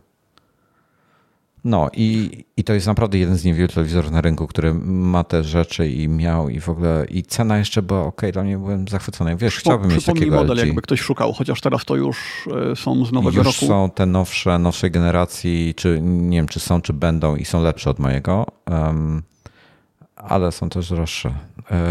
W ogóle teraz jest słaby rok na chyba kupowanie telewizorów, bo dostępność słaba. No właśnie chciałem powiedzieć, Aha. że shortage na telewizorach się zbliża. Wiesz co, ja rozmawiałem, rozmawiałem a propos, y, bo odbierałem wczoraj ten samochód prasowy i rozmawiałem na temat właśnie shortages na, na, na, w motoryzacji. No i to jest, no umówmy się, e, Porsche jest marką premium i na co dzień nie, nie sprzedają wiele samochodów w porównaniu z taką na przykład Toyotą, prawda, czy, czy mhm. innymi takimi mega popularnymi markami. E, oni mają, oni, czas oczekiwania w Polsce chyba na 911, gdzie w Polsce nigdy nie było długiego czasu oczekiwania na samochody tej marki ze względu na to, że po prostu mała sprzedaż u nas jest, to czas oczekiwania jest chyba około roku czy coś takiego w tej chwili z tego powodu, z powodu tego shortage. E, samochody czasami przyjeżdżają do, do Polski, do dealera, e, bez niektórych elementów elektronicznych. E, po prostu są ich pozbawione i czekają, i, i samochód czeka na dostawę. Po prostu fabryka już przysyła a potem częściej dojeżdżają tam od dostawcy. E, zazwyczaj są to jakieś komputerki i tym podobne, je się wpina po prostu do, do samochodu. I, no ale, ale, ale, ale czekasz, tak? Także mhm. wszędzie no, no, nie jest dobrze z tym chip shortage. Będzie słabo. Ja ciekaw jestem, jak to wpłynie na iPhony w tym roku. Ja myślę, że na iPhony to wpłynie niewiele, bo jednak e, Apple jest największym, nie wiem jak to nazwać, biorcą tych chipów od y, TSMC czy TC? Ja nigdy T nie pamiętam kolejności. TSMC, no. Taiwan tak, tak. Semiconductor. Tak, więc oni na pewno mają lepsze umowy z nimi niż ktokolwiek na świecie. No tak, ale wiesz, mają jeszcze kamerę, biorą od kogoś tam, e, matrycę, jakieś moduły, wiesz, tego w tych, tych podzespołach jest cholera. I, no tak, i tak. może brakować jakiegoś, jakiejś drobnostki mikrofonu na przykład i nie mogą, nie mogą złożyć iPhone'a. Mhm. No nie, nie wiem, zobaczymy, zobaczymy jak to będzie. E, dobra, parę trochę e, przyspieszę, nie, bo to będzie, to, to nie. Okej, okay, dobra, idę tak jak napisałem w spisie, czy tam, tak jak mamy spisane, bo o Switchu nic dawno nie mówiłem. Chyba mówiłem, że w, gram w tego, w Zelda, prawda? Tak. Czy nie? By, tak, tak, byłeś na etapie robienia tutoriala. Mówiłem o tańczeniu, o tym Just Dance, coś tam? Yy, tak że zrobiłeś, achievement dostałeś. I mówiłem, że nalepiłem sobie y, szklany ochraniacz na ekran Switcha. Y, na pewno pisałeś i chyba mówiłeś. To jest, to jest pierwszy mój ochraniacz ekranu w życiu, jaki, jaki miałem. Nigdy nie miałem na żadnym urządzeniu. Pierwszy mój. No to ja instaluję od kiedy pamiętam. Na wszystkim? Tylko, tak, tak. To znaczy nie, na telefonach. Y, na zegarku kiedyś próbowałem, ale działało mi to fatalnie, źle wykrywało dotyk i zrezygnowałem. Na iPadzie nie widzę potrzeby, na telefonach zawsze. Ja, nie, ja nigdy. To jest mój pierwszy tego. Może gdzieś kiedyś miałem na jakimś. Może na aparacie miałem kiedyś, którymś. Na tylnym LCD-ku. Chyba miałem o, na też, kanonie. Tak, tak. Ja nigdy nie upuszczałem telefonów. Raz mi iPhone 4 wypadł z kieszeni, bo był tak dziwnie jakoś, no miałem taką dziwną kieszeń. Wyleciał, coś tam się odczepiło w środku, musieli, trzeba boltować. I raz mi wypadł bodajże iPhone 5. Poza tym nigdy nic, aż kupiłem iPhone'a 10.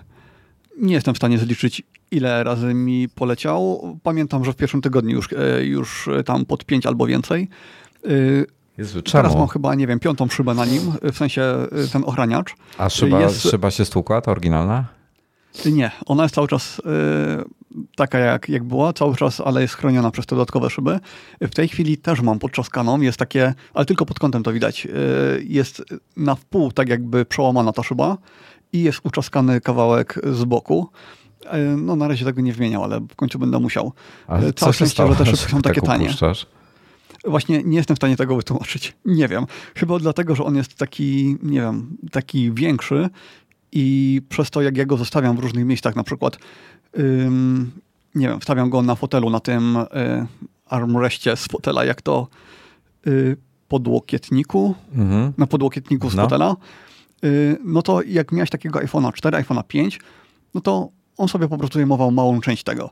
A ten iPhone 10, no to on y, aż się, w sensie ten podłokietnik się wygina i on nawet nie jest w stanie się oprzeć całkowicie A, czyli, czyli nie, Więc... to, to, nie jest tak, że ci wypadał z ręki, tylko spadał po prostu z czegoś. Zaz tak, zazwyczaj spadał z czegoś, chociaż z ręki, z ręki też się zdarzało. I nie jestem w stanie tego wytłumaczyć. Nawet mam go w obudowie takiej przezroczystej y, i to też go na pewno wielokrotnie uratowało. Mm, I w tej obudowie on jest, wygodniej mi się go trzyma. Podejrzewam, że jakbym nie miał tej obudowy, to by leciał jeszcze częściej. Poza tym iPhone 10 dla mnie jest nieużywalny bez obudowy, bo on się tak grzeje, że próbowałem wielokrotnie y, używać bez. Za każdym razem, y, no, mój rekord to było wytrzymanie jednego tygodnia, po czym stwierdziłem, że to bez sensu. O, ta temperatura jest dla mnie nie, nieakceptowalna. No dobra, to, to zmienię kolejność tematów w takim razie, skoro, skoro już rozmawiamy o tym, że za duży jest iPhone 10, czyli tym samym 10s, 11 Pro i e, teraz 12 i 12 Pro są jeszcze większe. A jeszcze parę dni temu coś moją żoną rozmawiałem o iPhone'ach, już nie pamiętam co. Ona ma 10S e, grafitowego, czy tam on chyba grafitowy się nazywał, czyli prawie czarny. I on jest fajny, bo się nie, yy, nie, nie, nie rysuje się ta ramka w koło w żaden sposób. W zasadzie jest pancerna całkowicie e, ta antena. Natomiast ona nie lubi. Ona chce srebrnego czy białego. I, i kolejny raz mi zwróciło uwagę, że jedyne co ona chce w tej chwili to srebrnego iPhone'a. I tak sobie pomyślałem, że może jednak bym wziął jakiegoś na przykład 12 mini na pół A roku. Może obudowę po prostu, czy nie akceptuje obudów? Nie, nie, nie, nie, nie. ona, ona gołego używa. E, ma, po, mhm. ma taki pokrowiec, taki sleeve, że, do którego sobie wsuwa, jak, jak go nie używa. Ale sam telefon bez obudowy. I, I zacząłem zastanawiać się nad tym, czy nie kupić sobie miniaka, 12, żeby teraz przez lato i tak jest, więc i tak trudniej mi się nosić duże telefony w kieszeniach E, bo krótkie spodenki, większe kieszenie, luźniejsze i tak dalej, więc a może bym sobie kupić taką 12, 12 mini na pół roku do, do premiery 13 e, i jej dać tego moje, mojego 11 Pro, ja bym sobie tą 12 poużywał. No alternatywnie mógłbym jej 12 Pro kupić, bo ona chce e, aparaty, a ja zostanę z 11, ale ta 12 jest taka już, już, to już jak już mam kupować, no to lepiej już na 13, jak jej mam kupować, już wolałbym 13 Pro i kupić w tym momencie za, za parę miesięcy. Także nie wiem, no zostanie jakie pół roku, mamy już maj, to no dobrze, może być pół roku jeszcze do iPhone'a. Nie, nie będzie tak, pół ja. roku. Co ja gadam, co ja chrzenię za głupotę. Czekaj, Pytanie, czy będzie... Nad, nad y, mini dla siebie, tak? No, no, no, raz, dwa... No, no to, to chciałem ci przypomnieć, że mini nie ma normalnego, nie ma yy, Wiem. wąskiego obiektywu, więc to jest dyskwalifikacja Wiem. dla ciebie. Nie, ale stwierdziłem, że, że wiesz co, że pół roku przeżyję bez tego, a w razie czego będę y, robił zdjęcia po prostu zazwyczaj i tak jak robię tak, tego typu zdjęcia, to i tak Iwonę mam ze sobą, więc wezmę jej telefon. My chyba mamy tą dyskusję czwarty raz no. z kolei. Y, ale, ale tak zastanawiam się, bo wiesz co, strasznie mnie kusi ten mały rozmiar. Autentycznie kusi mnie mm. ten mały rozmiar. No po prostu chciałbym mieć małego. E, jak, jak to nie wziąłem do ręki tak. E, jak wziąłem do ręki w tego 12 mini w sklepie, w salonie, no. E, to jeszcze zobaczyłem cenę, bo ja sobie nie zdawałem sprawy, jak ona, przepraszam, jak one są dużo tańsze. No one są gdzieś po 3000 zł w tej chwili w Polsce do kupienia. 3-3,5 tak, tak, tysiąca. tak, a u mnie są jeszcze niższe ceny, nie, więc ja tam w pewnym momencie miałem takie, że może go kupić od razu i pójdę do sklepu obok, sprzedam swojego, swoją dziesiątkę i tak naprawdę ta dopłata, to nie wiem, czy by tam było 1000 zł, 1500 max. I sobie tak pomyślałem, że koszt y, niewielki, a telefon najnowszej generacji. Ale wtedy uruchomiłem ten aparat i to już było jasne, że to odpada. Y, poza tym, no wtedy jeszcze w tym 3D nie siedziałem, bo to było zaraz po premierze, więc lidar dla mnie nie miał takiego znaczenia. No w tej chwili dla mnie jest bardzo ważny, więc jeśli nie będzie miał kolejny iPhone mini y, lidaru czy tam lidaru, no to też dla mnie niestety odpada. Dla a, ciebie to raczej nieistotne. A jak 13 Pro nie będzie miała LiDAR, bo tam jakiś była gdzieś jakaś plata, że nie będzie miała LiDAR? powiem ci, że nawet jakbym miał poczekać jeszcze kolejny rok z tym swoim telefonem, to chyba ok. To znaczy, poza tym rozmiarem, to raczej wszystko mi w nim pasuje. Nie narzekam na szybkość działania. Zdjęć nim za bardzo nie robię, to znaczy w ogóle zdjęć za bardzo nie robię, więc dla mnie ta dziesiątka jest rewelacyjnym telefonem. No bo ja się zastanawiam nad tym, nad tym 12 mini. E, nie wiem, rozważam, a potem, a, a z kolei, a wcześniej, zanim, e, a właśnie, e, bo to, to było wczoraj, ten, ten zakup 12 minut w zasadzie wczoraj zacząłem sobie kombinować po, po tym. To chyba wczoraj albo przez wczoraj po komentarzu Iwony. I i, wziął, I stwierdziłem, że wziąłbym w ogóle białego, tego ze srebrną ramką, e, bo tam jest srebrna matowa ramka i białe, białe plecy. One nie są całkiem białe, takie mm, pudrowy róż, chyba taki bardzo delikatny pudrowy róż jest ten, ten biel wpada w taki odcień, ale bardzo ładny kolor. E, natomiast e, tutaj miałem pytanie do ciebie i też się zastanawiałem, bo wcześniej inaczej, inaczej wcześniej nie zastanawiałem się nad tym. Byłem przekonany o tym, że 13 Pro wezmę sobie, bo będzie miał 120 Hz, pewnie parę innych bajerów ale zacząłem się zastanawiać, czy nie wziąć 13 mini jednak. A ty co byś wziął, jak będzie 13 Pro i 13 mini? Czy będziesz wymieniał już dziesiątkę swoją? Ale zakładamy, że 13 mini będzie miał LiDAR i będzie miał yy, no dobra, to 50 mi, mm. To powiedz mi, załóżmy, że będzie miał 5,4 cala, czyli jeśli ma LiDAR, to wtedy go rozważysz, a jeśli nie będzie miał, to go nie rozważysz. Yy, tak, musi mieć LiDAR i musi mieć ten obiektyw, który przybliża. E, dobra, to tego obiektywu na 100% nie będzie miał, nie wierzę, że będzie miał, e, czyli odpada. A po co ci LiDAR? Do czego chcesz poza zdjęciami? no, chcę skanować przedmioty w realnym świecie i przenosić je do 3D. A, okej. Okay, Dzięki okay, temu okay. mógłbym mieć e, no na przykład e, kiedyś wrzucałem na Twittera taki, kupiłem joystick, który mm jest, no obudowa mi nie pasuje w nim, więc y, mam wybór albo go pomierzyć bardzo dokładnie i próbować jakoś go przenieść ręcznie, albo zeskanować iPhone'em i później tylko zrobić na bazie tego skanu y, model i dzięki temu będzie miał wszystkie wygięcia, wszystkie, wszystko tak jak ten rzeczywisty. E, no to zostać 13 Pro. To nie, to nie wiem, czy wtedy zmienię iPhone'a, chyba nie wiem na jakim etapie wtedy będę w 3D, czy faktycznie będzie mi to wtedy bardzo potrzebne, czy jeszcze nie. Zobaczymy. Dobra, ja mam, ja, ja od paru dni mam um, od, od DJI przyjechał ten ich najnowszy dron e, R2S i i ostatnio z iStickiem rozmawialiśmy na ten temat, bo e, iStick wczoraj dostałem od niego SMS-a, że kupił sobie drona po naszych rozmowach. I, i DJI R2S. Ale tego samego? Nie, nie kupił tego. Zaraz, zaraz powiem, jakiego kupił. I rozmawialiśmy na ten temat, czy warto brać R2S, czy, e, czy jakiś inny model. I jeśli inny model, to jaki? Bo w zasadzie są. R2S jest takim modelem pośrednim. Um, już otwieram sobie stronę, bo, um, bo tam jest. Nie pamiętam tych nazw, ich oni mają dużo tych dronów. E, oni mają coś takiego, co się nazywa e, Mavic R2, to w ogóle to był poprzednik R2S, a czyli to był Mavic R2, a teraz zrezygnowali z tego przydomka Mavic się nazywa po prostu R2S, ale wcześniej był Mavic 2 Pro i to był fajny. On kosztuje w tej chwili 1500 euro, w ogóle jest bardzo drogi. Hmm. A czekaj, a Mavic R2 kosztuje, żeby porównać, 849 euro. E, a ten kosztuje 1030 euro. Mówimy o samym dronie bez, e, nie, nie zestaw Fly Combo, a tak naprawdę Fly Combo je, to jest ten zestaw interesujący, e, a to oznacza, że Um, Fly Combo, czyli dodatkowa, dodatkowe baterie i tak dalej, tak? Tak, tam, są, tam się dostaje dodatkowe śmigła, dodatkowe dwie baterie.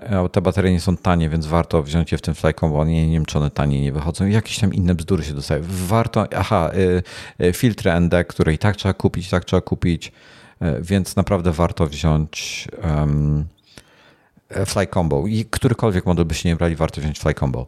I teraz tak, i e, i właśnie zastanawiałem się, no bo e, okej, okay, są, są ludzie, którzy przede wszystkim zależy im na jakości wideo. E, I tutaj i Mavic R2 i R2S oferują 4K przy 60 fps, żeby slow motion robić, co jest e, fajne. Nie polecam 120 fps przy 1080p, bo jakość tego jest straszna w porównaniu z 4K, po prostu tragiczna.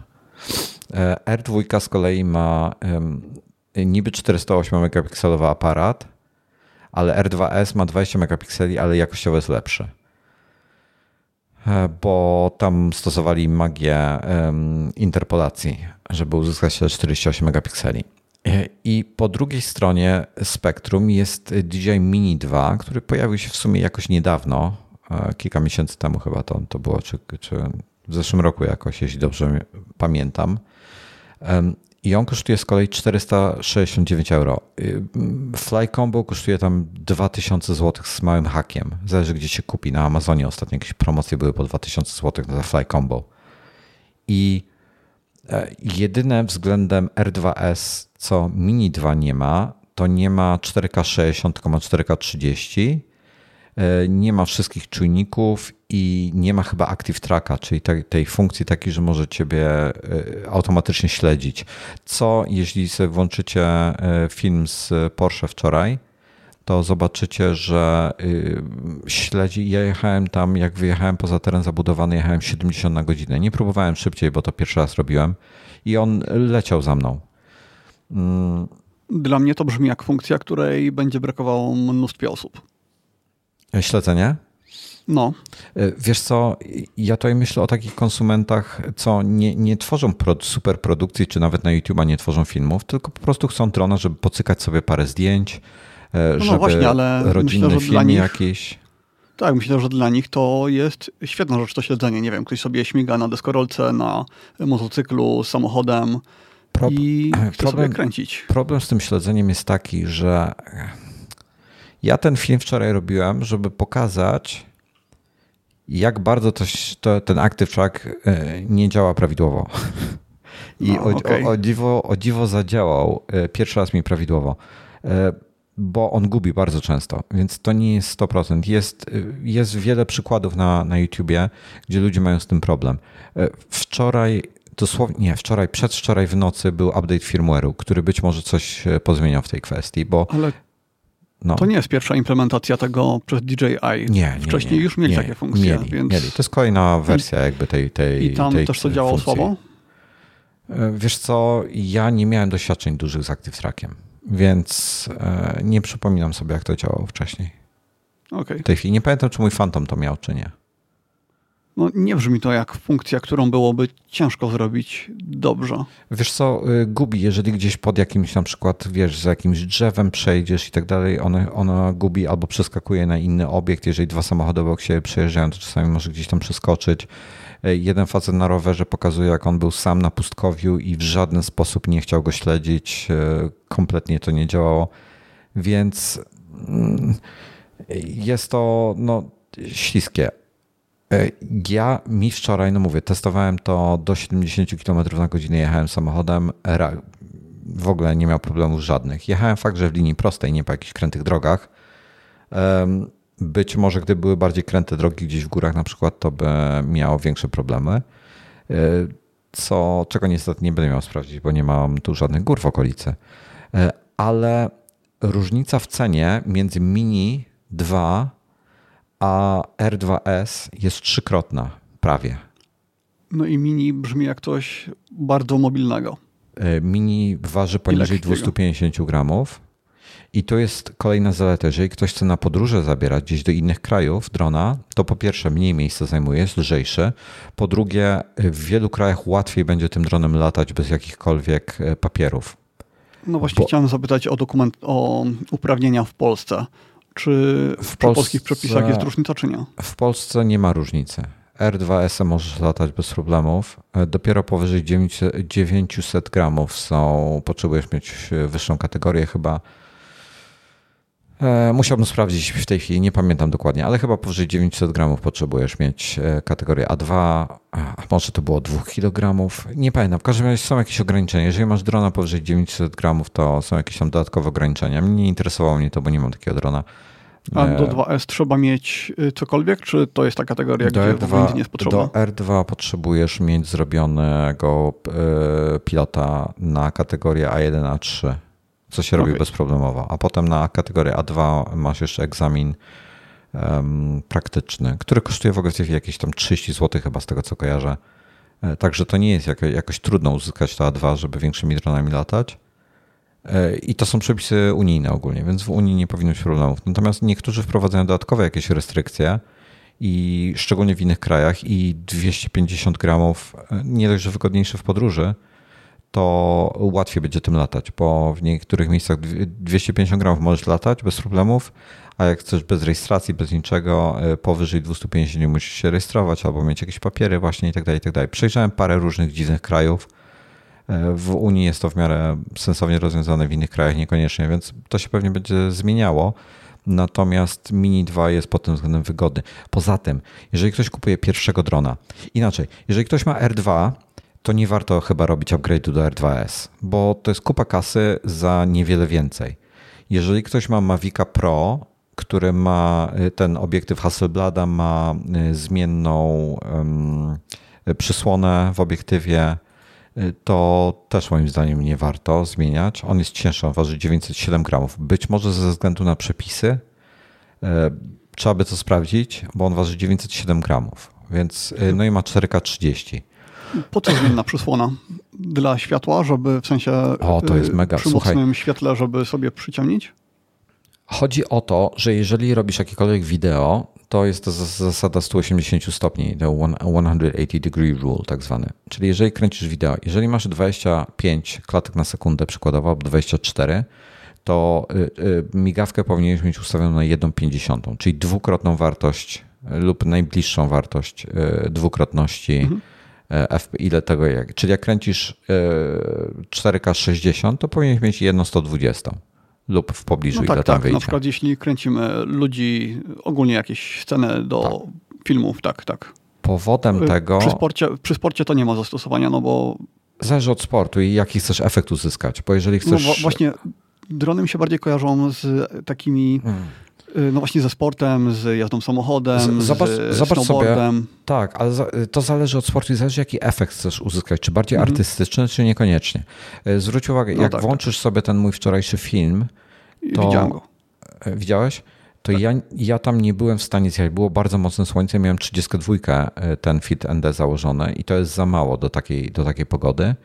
E, przydałaby się 64, myślę. Albo nawet, ale, można to kupić. Jest jeszcze 64, 128, chyba 256 czy coś takiego w ofercie, ale ekstra trzeba dokupić. Nie są drogie, warto. E, ja z 32 nie pamiętam w tej chwili, jaki miałem czas. Kręciłem 4K 24 FPS albo 5 4K 24, jedno z tych dwóch. W każdym razie 24 FPS. Miałem jedną dziewięćdziesiątą chyba czas. I to, to było, już nie, nie dało się go wydłużyć do tej jednej tam 50 czy coś. Więc i jak zobaczysz sobie tą scenę, jak on już tak się rozpędza, ten dron powyżej 40-50 na godzinę, jak jedzie za samochodem, to y, na drzewach i na trawie ładny motion blur widać. Czyli ten, takie rozmycie tego. Samochód jest super ostry, w kadrze, bo on się rusza razem z dronem z tą samą prędkością, a wszystko mhm. inne jest delikatnie rozmyte, także to ci daje tą, tą ładną dynamikę. Jeżeli będziesz jedną 400, jedną e, w ogóle bez, przy takim oświetleniu, gdzie pełne słońce jest, to masz typu jedną 4000, tak? Jakieś takie absurdalne mm. są w no tym tak, tak momencie tak, czyli... czasy. Czyli ta przysłona jest po to, żeby nie musieć używać mocnych filtrów ND, tylko żeby sobie regulować w trakcie. E, tak, y, na tak, samej tak, tak. I, no okay. i, i, właśnie o to chodzi, że jesteś w warunki zmienne, jakieś światło chowa się za chmurami, tego możesz zmienić sobie przysłony w tym momencie, to jest wygodnie, nie musisz lądować. A jest tam, y, są jakieś tryby automatyczne typu AV, gdzie y, w, w Canonie to jest AV, w Nikonie to jest chyba już nie pamiętam, A, A chyba A albo P. Tak, no Aperture tak, Priority A. albo yy, Shutter tak, Priority. Tak, da działa, działa to trochę inaczej, bo jest tak, jest albo tryb pełny auto, albo Pro. E, ja lecę w trybie Pro i tam masz tak każdą poszczególną funkcję, czyli ISO, e, migawka, e, przysłona w, w moim akurat jest stała, tam jest, więc nie, nie, nie ma możliwości zmiany tego i czas. I możesz sobie każdą z tych trzech funkcji ustawić na sztywno tak jak chcesz, albo dać jej funkcję auto. Więc okay, ja, mam w no praktyce, ja mam w praktyce włączone tak, jak są zmienne warunki oświetlenia, to ja daję sobie ISO na stałe 100, um, co to było to drugie? Czas. Y, I trzecie? Yy, Mi. ISO czas. Yy, Jezu. No przysłony nie możesz regulować, tak? Nie masz więc... przysłony, masz ISO, yy, ISO czas i przysłonę i czwarty. No, są trzy, aż mi, aż mi teraz głupio będzie. A tam coś można było Bo... jeszcze regulować. No nieważne. E, jak masz te mhm. trzy w każdym razie, ja sobie ustawiałem tak jak, tak jak latałem, to ustawiałem sobie e, ISO na 100. Czas miałem, jeżeli były zmienne warunki, to czas ustawiałem na auto, żeby mi regulował automatycznie. Natomiast jak na przykład hyperlapsy robiłem, E, to miałem ISO na auto ustawione, a czas i. A, e, o white balance jeszcze myślę, przepraszam. Jeszcze myślę o white balance tutaj, żeby mieć. E, bardzo ważna rzecz. Podczas kręcenia wideo i hyperlapsów white balance na sztywno ustawiamy. Żadnego auto. I w tym momencie mi przy hyperlapsach na przykład tylko ISO mi sobie manewrował. Tam sobie latał między 100 a 200 E, a przy, e, przy wideo ISO z kolei też, też miałem sytuację, że zostawiałem, więc jeżeli nie było, było stałe słońce świeciło, e, to ewentualnie zostawiałem ISO na auto, a cała reszta była na sztywno ustawiona na takie wartości, jakie chciałem. W tym auto da się zdefiniować jakieś granice, czy Nie. leci OK, czyli może zaszumić obraz w pewnym momencie. Chociaż być może można wejść, chyba przy ISO można wejść do ustawień tych głębszych, tych takich ogólnych i tam zdefiniować. Nie patrzyłem na to, szczerze mówiąc.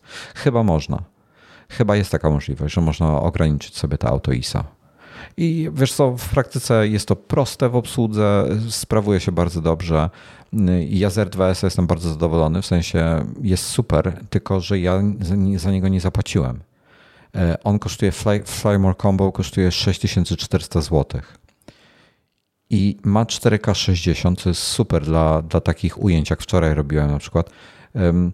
Tam jest scena w tym, w tym filmie o Porsche, jest scena, gdzie, e, gdzie ja drona używałem typowo jako, bo sam byłem, w ogóle miałem 4 godziny czy 5 godzin, żeby wszystko ogarnąć na temat samochodu, czyli porobić wszystkie ujęcia, i, i, i tak dalej.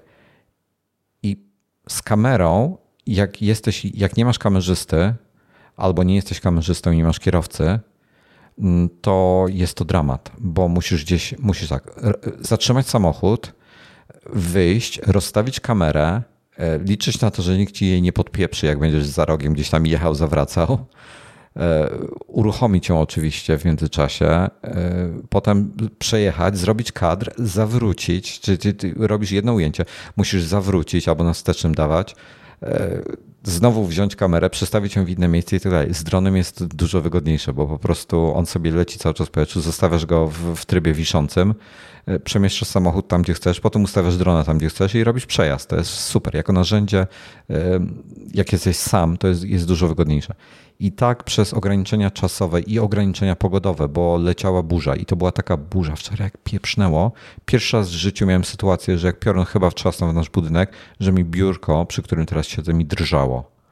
E, także byłem w totalnym w ogóle szoku. Pierwszy raz w życiu. I ja przed tą, przed tą burzą się śpieszyłem wczoraj, dlatego tak mało przebitek nagrałem, czego strasznie żałuję ale dron jako takie narzędzie dla e, samotna, samotnego fotografa albo samotnego e, kamerzysty to jest super sprawa. To jest e, obowiązkowe narzędzie moim zdaniem. Rewelacja. Po prostu tyle rzeczy poza. Nie musisz go używać jako drona, w sensie, żeby robić ruchome ujęcia. Możesz go używać jako, jako kamerę na statywie. No i niewątpliwie zaletą jest to, że, że ten R2S ma tę większą matrycę, no jednocalową. Mm, także to jest plus.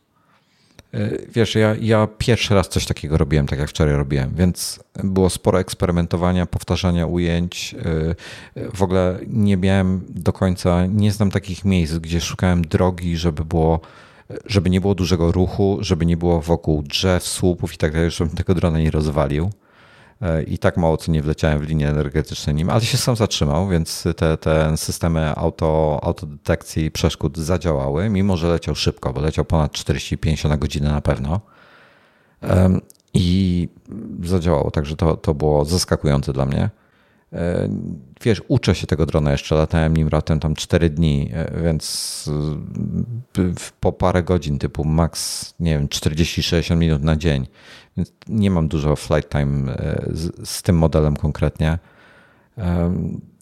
Ale super. Dron jako narzędzie właśnie dla fotografa albo kogoś, kto robi wideo, szczególnie jak jest sam, to jest super sprawa. I gdybym sam kupował, to bym wziął miniaka, bo robi prawie to wszystko. Chociaż może w przypadku, e, gdybym robił wideo na YouTube'a i potrzebuję śledzić, to może rzeczywiście do era warto byłoby. Ale gdybym nie robił wideo takich, że, że potrzebuję coś śledzić akurat konkretnego, e, to raczej używałbym to jako aparat fotograficzny, ewentualnie do nagrywania jakichś um, ujęć, to jesteś śledzenie w stanie jako pilot lepiej zrobić niż, e, niż jak z doświadczeniem, jak już masz doświadczenie, zrobisz to płynniej. Um, i zresztą jak, jak, jak, jak w tym filmie wczoraj się widać, że on mnie śledził, ale on, sobie, on, on, on kluczył po drodze. Lewo, prawo, lewo, prawo. Śledził mnie cały czas, nie zgubił mnie, ale cały czas latał lewo, prawo. Gdybym ja nim sterował, gdyby on nie leciał automatycznie, to ja bym był w stanie e, idealnie równo nim lecieć, ewentualnie wprowadzać na tyle powolną korektę, panować tak powolutku, żeby to było naturalne, takie tak zwane cinematic. No dobra. A... I wolałbym, to jeszcze podsumuję, y, tylko mhm. jedną rzecz powiem. DJ R2S kosztuje 6400 Flamer Combo, y, Mini 2 kosztuje około 2000 zł, 2,5, więc y, ponad 4000 zł, czy tam w rejonie 4000 zł taniej. To jest ogromna różnica. Tylko i wyłącznie ze względu na cenę wolałbym Mini 2. Jako nowy użytkownik, jako nowy user wolałbym R2S, no bo, bo lepszy, ale droższy. Czy w związku z tą różnicą w wadze, która jest bardzo duża, y, nie będzie tak, że ten mini jest dużo, dużo bardziej podatny na wiatr i tam, gdzie większy sobie będzie latał bez problemu, to mały będzie mocno się kołysał? Ja myślę, w ogóle nie będzie się nim dało latać dużo wcześniej. Wiesz co, ja myślę, że jeżeli chcesz odczuć różnicę e, na wietrze, to między tymi dwoma nie będzie dużej różnicy. W sensie ten, wiesz, jest niby dwa razy cięższy, ale to jest nadal tam 500 gramów. E, lepiej, myślę, że dopiero Fantoma tutaj, tutaj trzeba pójść Fantoma dopiero, żeby jakąś większą stabilność osiągnąć. Teraz w Warszawie cały czas wieje, te hyperlapsy próbowałem zrobić, nie jestem z nich zadowolony, bo o ile sobie jeszcze jako tako radzi, jeżeli robisz na płasko, czyli lecisz na stałej wysokości i robisz hyperlapsa, to jest w miarę ok, a jeżeli robisz ze zmianą wysokości jeszcze w trakcie hyperlapsa, to on już góra-dół, wiesz, tak schodkowo leci do góry. I, i tutaj myślę, że musiałbyś mieć Fantoma albo coś większego, albo Inspire, e, żeby, żeby mieć tak naprawdę stabilny, stabilny e, samolocik, tam helikopterek na, na tym wietrze. Tutaj no, tak, to, to chyba tego, nie, nie robi dużej różnicy. No to ten miniacz faktycznie zapowiada się świetnie i cena bardzo, bardzo dobra. Ja jestem. Ja nie miałem okazji latać tym mini. Widziałem filmy, jakie ludzie robią tym mini. E, to jakbyś mi dał sprzęt za 10 razy tyle kasy, to nie był, zrobiłbym tak dobrego filmu jak oni. To pojedyncze osoby są na YouTube, trzeba poszukać. E, zazwyczaj są to podróżnicze e, ujęcia. E, pod muzykę zmontowane, ale robią z, za pomocą miniaka takie cuda, że, że wiesz, no to jest to, jest to, to jest tak jak Sabine Schmitz, niestety zmarła niedawno, e, królowa Nürburgringa potrafiła przejechać e, jedno okrążenie toru Fordem Transitem szybciej niż Jeremy Clarkson sportowym Jaguarem. No, to jest taka różnica, tak? Okej. Okay. Hmm. Y, rozumiem, y, jest tam jakiś płaski profil do filmowania? Jest y, D-Log i nie robiłem jeszcze. Będę zresztą teraz, dzisiaj albo jutro będę składał finalnie recenzję tego DJ-a. Jeszcze mastershotów nie porobiłem, ale już nie zdążyłem wczoraj. Teraz trochę słońce wyszło, może dzisiaj mi się uda dograć jeszcze mastershoty. Jutro ma lać cały dzień, więc najpóźniej w poniedziałek wypuszczę to bo chcę zrobić, właśnie nie wiem, czy wypuścić kilka małych, krótkich odcinków e, skupiających się na poszczególnych Ale... częściach, czy jeden długi film. Czekaj, czekaj, bo jeszcze do tego e, D-Loga. Aha, On i... wtedy używa jakiegoś wysokiego ISO i trzeba mocniejszych ND filtrów, czy do, na tym Do D-Loga? No. Nie, nie, nie, nie. Jakoś standardowo leci. E, nie okay. daje dużo. W ogóle footage z tego, czyli wideo z R2S-a jest 10-bitowe 422. Mhm. Więc daje trochę większe e, pole do popisu. D-Loga nagrałem chyba dwa ujęcia w D-Logu i e, zobaczę, zobaczę jak mi color grading tego wyjdzie. E, to testowo nawet nie miałem czasu do się tym zająć, a może dzisiaj sobie potestuję. Mm, I, i wrzucę na Twittera pewnie w tym momencie jakiś samplowy. Natomiast uważam, że ogólnie dron, szczególnie miniak, gdzie on nie jest drogi, znakomite narzędzie pomocnicze dla fotografów. Pozwala na nietypowe ujęcia, gdzie normalnie byś no nie wejdziesz na drzewo, żeby coś tam sfotografować, tak? E, nie masz pod ręką drabiny, będąc w górach, więc naprawdę pozwala na niesamowite ujęcia. Jest DNG, e, radzi sobie, wiesz, zaskakująco dobrze. Tam są małe matryce, więc siłą rzeczy nie będzie to tak dobre jak, jak lustrzanka. No, tak, ale... no wiesz, jeden, jeden cal to już jest całkiem przyzwoicie. Jeden cal już jest z tym, że tam jest no. Szeroki kąt, no to o głębi ostrości najpewniej można zapomnieć i będzie wszystko ostre. Tak. Y, natomiast ten jeden cal, no to już jest całkiem fajnie. Hmm, próbuję znaleźć tutaj. Jeden, jednocalowy CMOS. Próbuję znaleźć no, obiektyw, jakie ma parametry. No, na pewno będzie bardzo szeroki. Jeszcze, okej, okay, dobra, już znalazłem. Um, R2S ma odpowiednik 22 mm f2.8 od 0,6 metra do nieskończoności. Mini dwójka ma 24 mm, czyli 2 mm węziej. To nie jest dużo też f2.8, metr do nieskończoności. A Mavic 2 Pro ma f2.8 do f11, co jest super i ma mhm. odpowiednik 28 mm, co jest gorzej. Y, te F28 na, jed, na jednocalowej matrycy, no to jednak jest, nawet jakby tym dronem podlecieć blisko, to ta głębia ostrości jednak y, będzie trochę za, za duża. Przy 1.8 da się uzyskać fajną płytką głębię ostrości na szerokim kącie nawet.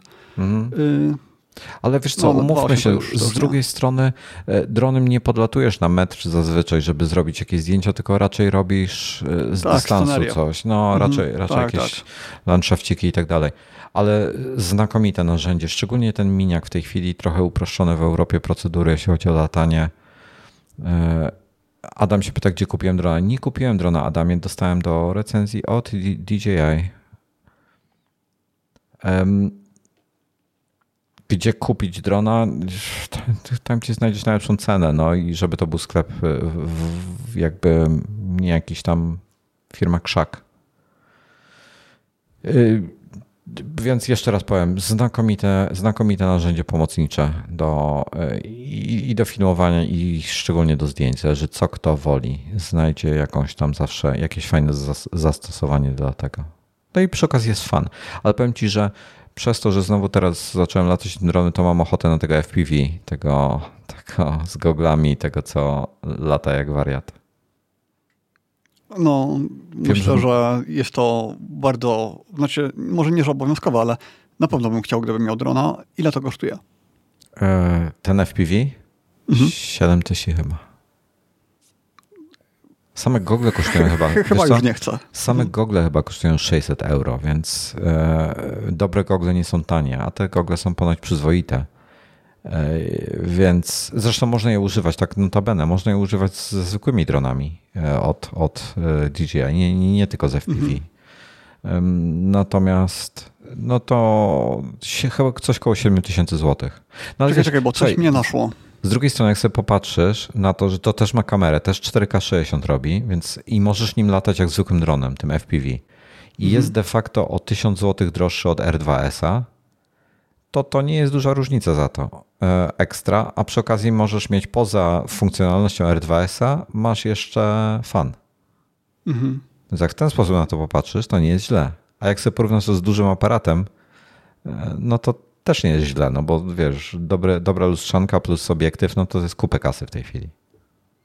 Tak, y, ja się zacząłem zastanawiać, skoro y, obraz z gogli można sobie wyświetlić na androidowym telefonie, to czy to znaczy, że jeśli ja sobie zainstaluję tą aplikację na Questie, założę no. gogle, to będę mógł oglądać obraz y, z tego na Questie latając gdzieś tam w planarze? Bardzo bym chciał, żebyś to sprawdził. Bardzo bym chciał, żebyś to, to przetestował. Hmm. Może, no, trzeba, mam, może trzeba wygooglać, może ktoś to Nie zrobi. mam drona. Y, wiesz co, problem z tymi Android, androidowymi aplikacjami jest taki, przynajmniej kiedyś tak było, że one się otwierały w oknie takim nie gigantycznym, tylko zajmowało to powiedzmy jedną piątą ekranu. Nie dało się tego odpalić tak, jakby to był ekran 200-calowy. Szkoda. Ale nie wiem, jak jest teraz, bo ja to sprawdzałem półtorej roku temu. Dobra, czyli ja tak podsumuję. Te, te DJI w tej chwili, tak moim zdaniem, mhm. jak to wygląda. Jeżeli ktoś chce mieć drona po prostu okazjonalnie do zabawy, trochę fanu, trochę zdjęć, trochę wideo, mini dwójka, kurde, za te pieniądze nic lepszego nie kupicie.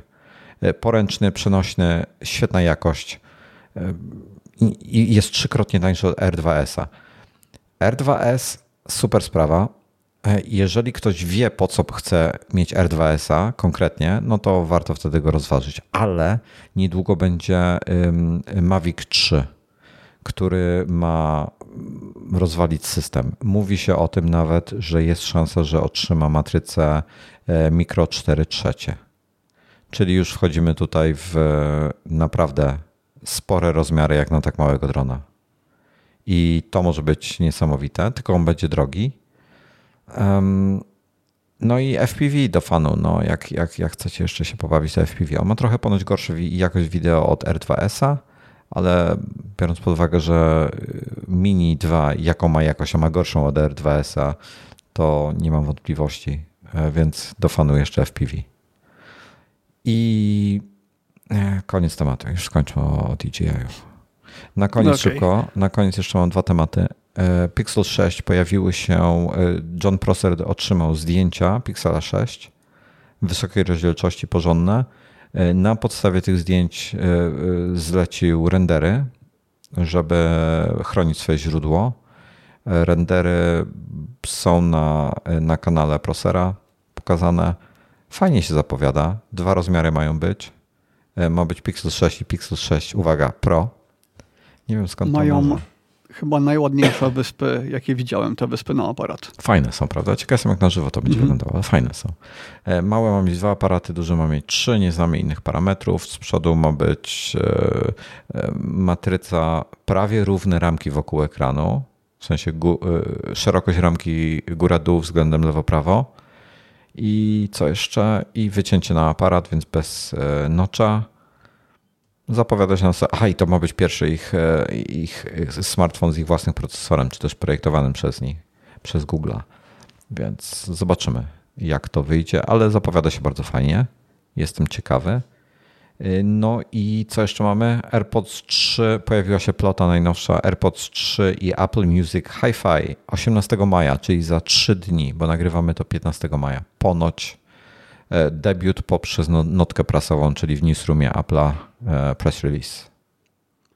Jest dziwne, że usługi Hi-Fi nie ogłaszają z Maxami, które miały premierę kilka miesięcy temu, tylko z takimi pchełkami mhm o słabej jakości. E, może chodziło o to, że nie, nie, nie były no, nie gotowe, się. że się nie mhm. wyrobili i po prostu teraz mają okazję. A nie chcieli już Maxu wstrzymywać jeszcze dłużej, bo one i tak już chyba były e, zgodnie, znaczy wiesz, nie były opóźnione, no, bo, były już ale były już e, plotki od dawna. Tak, tak, tak, mhm. tak. Jakieś tam tego, więc pewnie chcieli już je wypuścić, żeby już były. Tym bardziej, że one wychodzi, kiedy one zostały zaprezentowane? Listopad? Maxy? Listopad jakoś chyba, prawda? Nie pamiętam. Chyba później. No ja musiałem, już, już mi te daty wszystkie się mieszają, za dużo tego jest. E, AirPods Max, zobaczmy. Wydaje mi się, że to było w tym roku. E, a nie, w, listop- e, w grudniu, 15 grudnia 2020 wypuszczone zostały. Ja je dostałem w styczniu dopiero, zgadza się. Mhm. no, a zostały, a zostały zaprezentowane 8 grudnia poprzez press release właśnie że może nie był gotowy ten, e, ten Apple Hi-Fi, e, Apple Music Hi-Fi. Nie wiem, e, powiem szczerze, nie jest to usługa, która mnie interesuje. Ja, no nie, też nie. Ja już w tym wieku nie jestem osobą i to jakby wynika z, z tego, jak funkcjonuje ludzkie ucho. Nie jestem osobą, która jest w stanie słyszeć te różnice. Są testy, takie ślepe testy. Robiłem. No ja, ja też niestety. Yy, więc już wcześniej miałem podejrzenia, że nie usłyszę różnicy. Ten test to potwierdził. To znaczy, różnie tak było, że w niektórych słyszałem, w niektórych nie, ale yy, wiem na 100%, że kiedyś miałem dużo lepszy słuch. Kiedyś to słuchałem muzyki na zwykłych głośnikach, takich 2.1. Później zakładałem słuchawki takie normalne za 400 zł, kosy na przykład UR40. No i słyszałem nagle mnóstwo instrumentów, których na głośnikach nie było. A teraz podejrzewam, to znaczy raczej wiem na pewno, że jakbym założył słuchawki nawet dużo lepsze, to nie odczułbym aż takiej różnicy po przejściu z głośników takich zwykłych, najtańszych na dobre słuchawki. To powiem Ci jako ciekawostkę, że mój tata jako e, gdzieś w rejonie studiów e, pracował, e, nie, nie, wiem czy to była praca, chyba jakąś kasę za to dostawał, nie pamiętam e, u kogo, jakiego, jednego z polskiego producentów głośników. Czy to jakaś Unitra była, czy coś takiego. Coś mi chodzi po głowie, że to chodziło o Unitrę. Pracował, w, czy tam dorabiał sobie jak w, w pokoju odsłuchowym, odsłuchiwał głośniki po, mhm. po kolei po prostu. E, I nie pamiętam ile miał lat w tej chwili, typu coś około 24-25 lat go pogonili, bo już mhm. miał zbyt słaby słuch do tego, żeby rozróżniać te częstotliwości, które są istotne, a nie miał problemu ze słuchem. Po prostu słuch, to jest tak jak z tymi dzwonkami, co 16 czy tam 10-latek słyszy, tak, tak, a, a nauczyciel już nie. No. A to nawet nie 10-latek, to nawet chyba jeszcze w szkole średniej y, jest ta różnica. Tak, tak, tak. Także, także no, ja nie skorzystam z tego hi-fi. Nie wiem, co z tego tytułu. Może dostaniemy w to w cenie. Może za, przez to, że Apple TV kupiłem, dostanę rok czasu gratis. Zobaczymy. Y, to znaczy, mając Apple One, nie wierzę, żeby stworzyli osobne Apple One dla hi-fi. Jeśli masz że, Apple One, to myślę, że... Dodadzą. I nie mam Apple One, bo nie ma tej topowej um, tego tira topowego i tam jest rozpieprzony iCloud wtedy, wiesz? E, bo to y, jest... O jakim tirze mówisz? Bo, bo ja mam tak jest zrobione, że ja mam dwa ja mam dwa e, Apple ID. Okej. Okay. Bo, bo nie mogę mieć jednego, bo, bo nie mogą mi połączyć ich, tak? Mam mhm. Y, jedno, jedno, które używam do iTunesa i drugie, które używam do iClouda. Czy dalej faktycznie potrzebujesz tego iTunesowego? Tak, bo tam mam wszystkie filmy, wszystką, całą muzykę, kupioną historię i tak dalej, te wszystkie Czy rzeczy. faktycznie dalej potrzebujesz tego iCloudowego? Tak, tak, tak. E, Ale nie możesz przerzucić sobie danych yy, z tego... Po prostu nie możesz, nie możesz, na... nie możesz przepisać... Nie Wszystkie aplikacje. Aha, inaczej jeszcze. E, wszystkie aplikacje, odkąd mhm. iOS się pojawił, mam na tym koncie. No, okay. Także to jest, to jest problem. Nie da się tych, tych rzeczy połączyć. Więc, e, więc Apple nie oferuje łączenia Apple, e, dwóch Apple ID. Także mam dwa niezależne. I gdybym.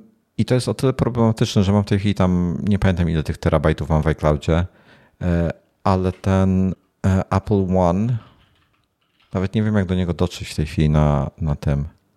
Dla mnie Apple One jest dużo tańsze niż używanie, e, niż to, co miałem wcześniej. Czyli dwuterabajtowy pakiet, rodzinny i jakieś tam dodatkowe usługi.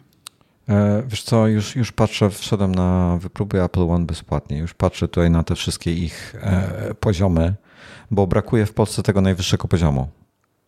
tym z newsami, tak? Mówisz, yy, ale czekaj, mówisz o terabajtach, o, czy mówisz o mówię, tym, co jest dostępne jako usługi? Je, w Polsce są, są dwa e, tiry, dwa poziomy. Dla ciebie za 25 zł i dla rodziny za 40 zł.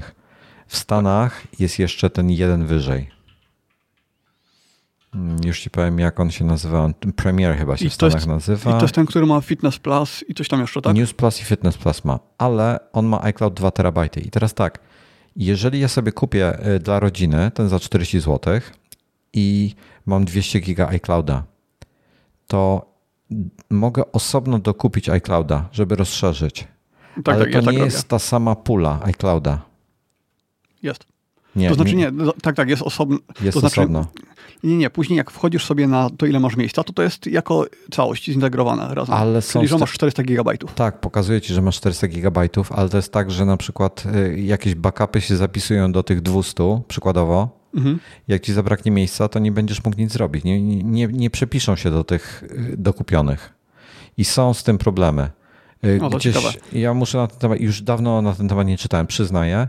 Może się to coś zmieniło, może coś poprawili, ale były z tym duże problemy. Wszyscy raportowali. Y, jeśli macie jakieś doświadczenia z tym, bardzo chętnie od Was usłyszę, bo, y, no bo dla mnie wyjściem byłoby wziąć. Aha, miałem jeszcze tutaj popatrzeć. Dla mnie wyjściem byłoby wziąć dla rodziny i dokupić miejsce na cloudzie ale problem jest taki, że wtedy to wychodzi mi drożej niż za to, co teraz płacę. Więc nie ma to A czy w tej sensu. chwili dostajesz zwrot od Apple'a co miesiąc te 25 zł na wydanie tam na waciki? Nie, Jak dlaczego? masz Apple One, to to dos- Aha, no to ja to dostaję od ponad pół roku chyba. Od kiedy jest Apple One, to mi wysyłają 25, prawie od wtedy. Ym, A co, co wysyłają wysyłają? Przypomnij mi, bo pamiętam, ale nie pamiętam. Ym, coś z Apple TV chyba. Chyb- O, dla, dlatego, że Apple TV Aha, bo Plus jest tak TV za, za beznadziejne. darmo. No, no, no, nie, bo masz za darmo. Nie, ja nie to- mam. Nie, nie, nie mam żadnego urządzenia, które mi daje rok za darmo. Nie? A iPhone Nie, 10 nie, nie. dawał? A iPhone potem 10 był 5 przedłużali? lat temu. Czy, znaczy przesadziłem, ale No, nie, nie, to było lata temu, zanim w ogóle to wyszło. Ja nie pamiętam, z którym urządzeniem dostałem rok czasu. Ja nigdy, się ja nigdy nie dostałem. Nie? Nie? nie, ja, moje urządzenia Apple są stare. No to ciekawe. No w każdym razie, wiesz co, no dla mnie jest problem. Ja bym chciał ten, ten e, wyższy poziom, to wtedy bym go wziął. A tak to mi wycho- wychodzi, bo tak, ja dostaję w tym poziomie e, Apple Arcade i Apple TV Plus. Za Apple TV Plus i tak nie płacę, e, a mam. I teraz kupiłem Apple TV, chyba kolejny rok dostanę, a Apple Nie, Arcade... nie, tylko raz możesz y, skorzystać z tego na rodzinę. e, to jest tak było dotychczas, ale ponoć teraz zmienili przy nowym Okej. Apple TV. E, Zresztą zweryfikuję, jak dojedzie.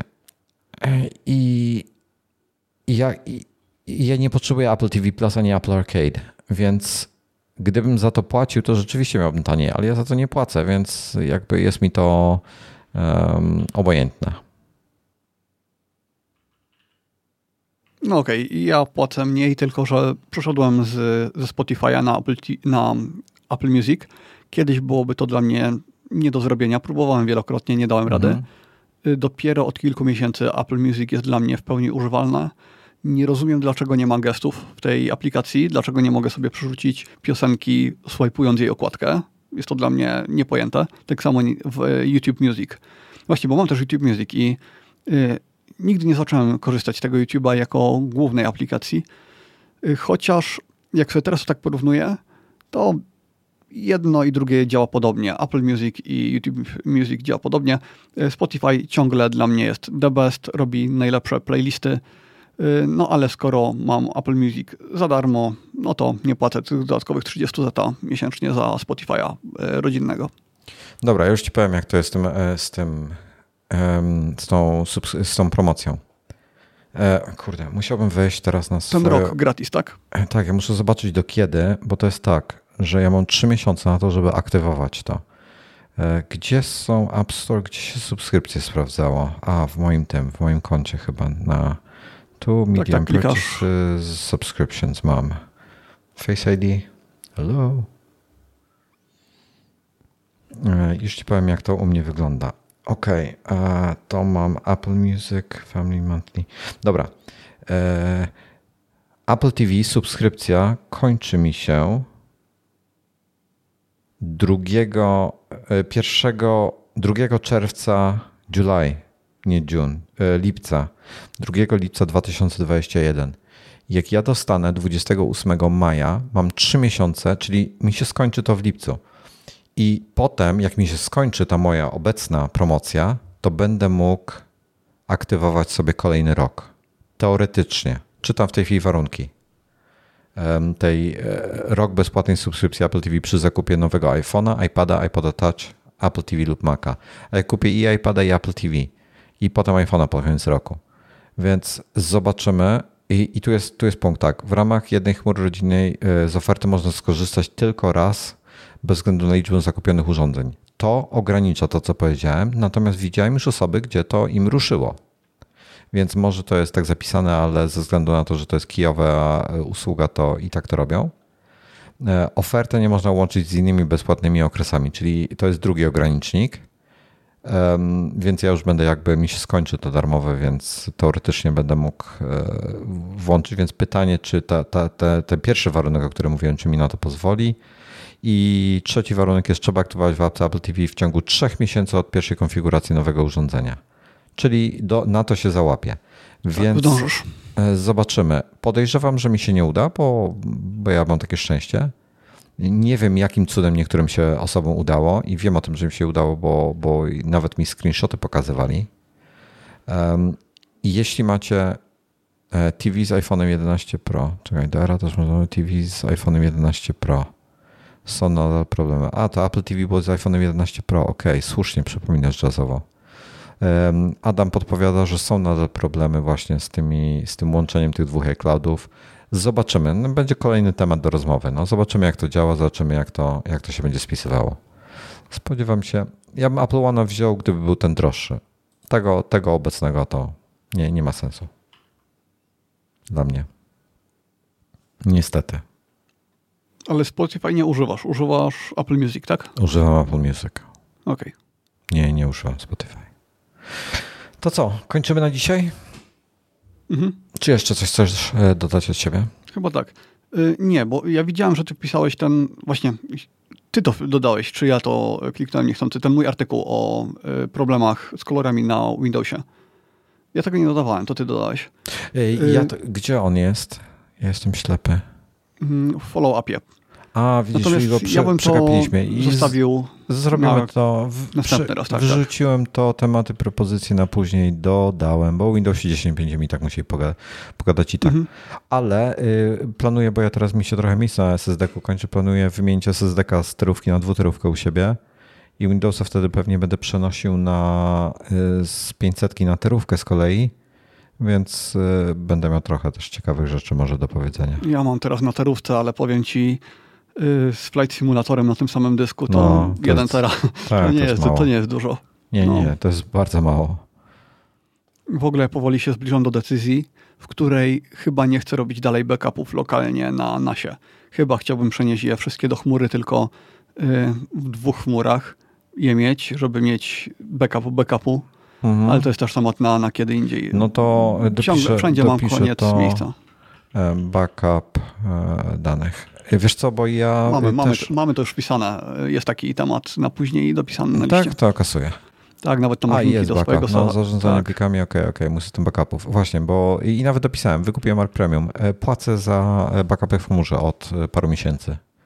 No to ja płacę od lat, ale ja płacę za Backblaze'a. A ja właśnie się na Arc Premium zdecydowałem, ale będę pewnie o tym pisał e, by, prawdopodobnie do, tego, do iMaga w tym miesiącu, bo już mam pierwsze jakby doświadczenia z tym, jak to działa po jakimś tam dłuższym, w, w dłuższej skali czasu.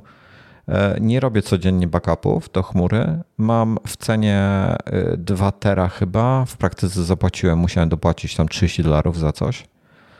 Nie, nie 30, 15, nie, 6. A ty masz usługę, ja... która działa na jakiejś innej zasadzie niż ta moja.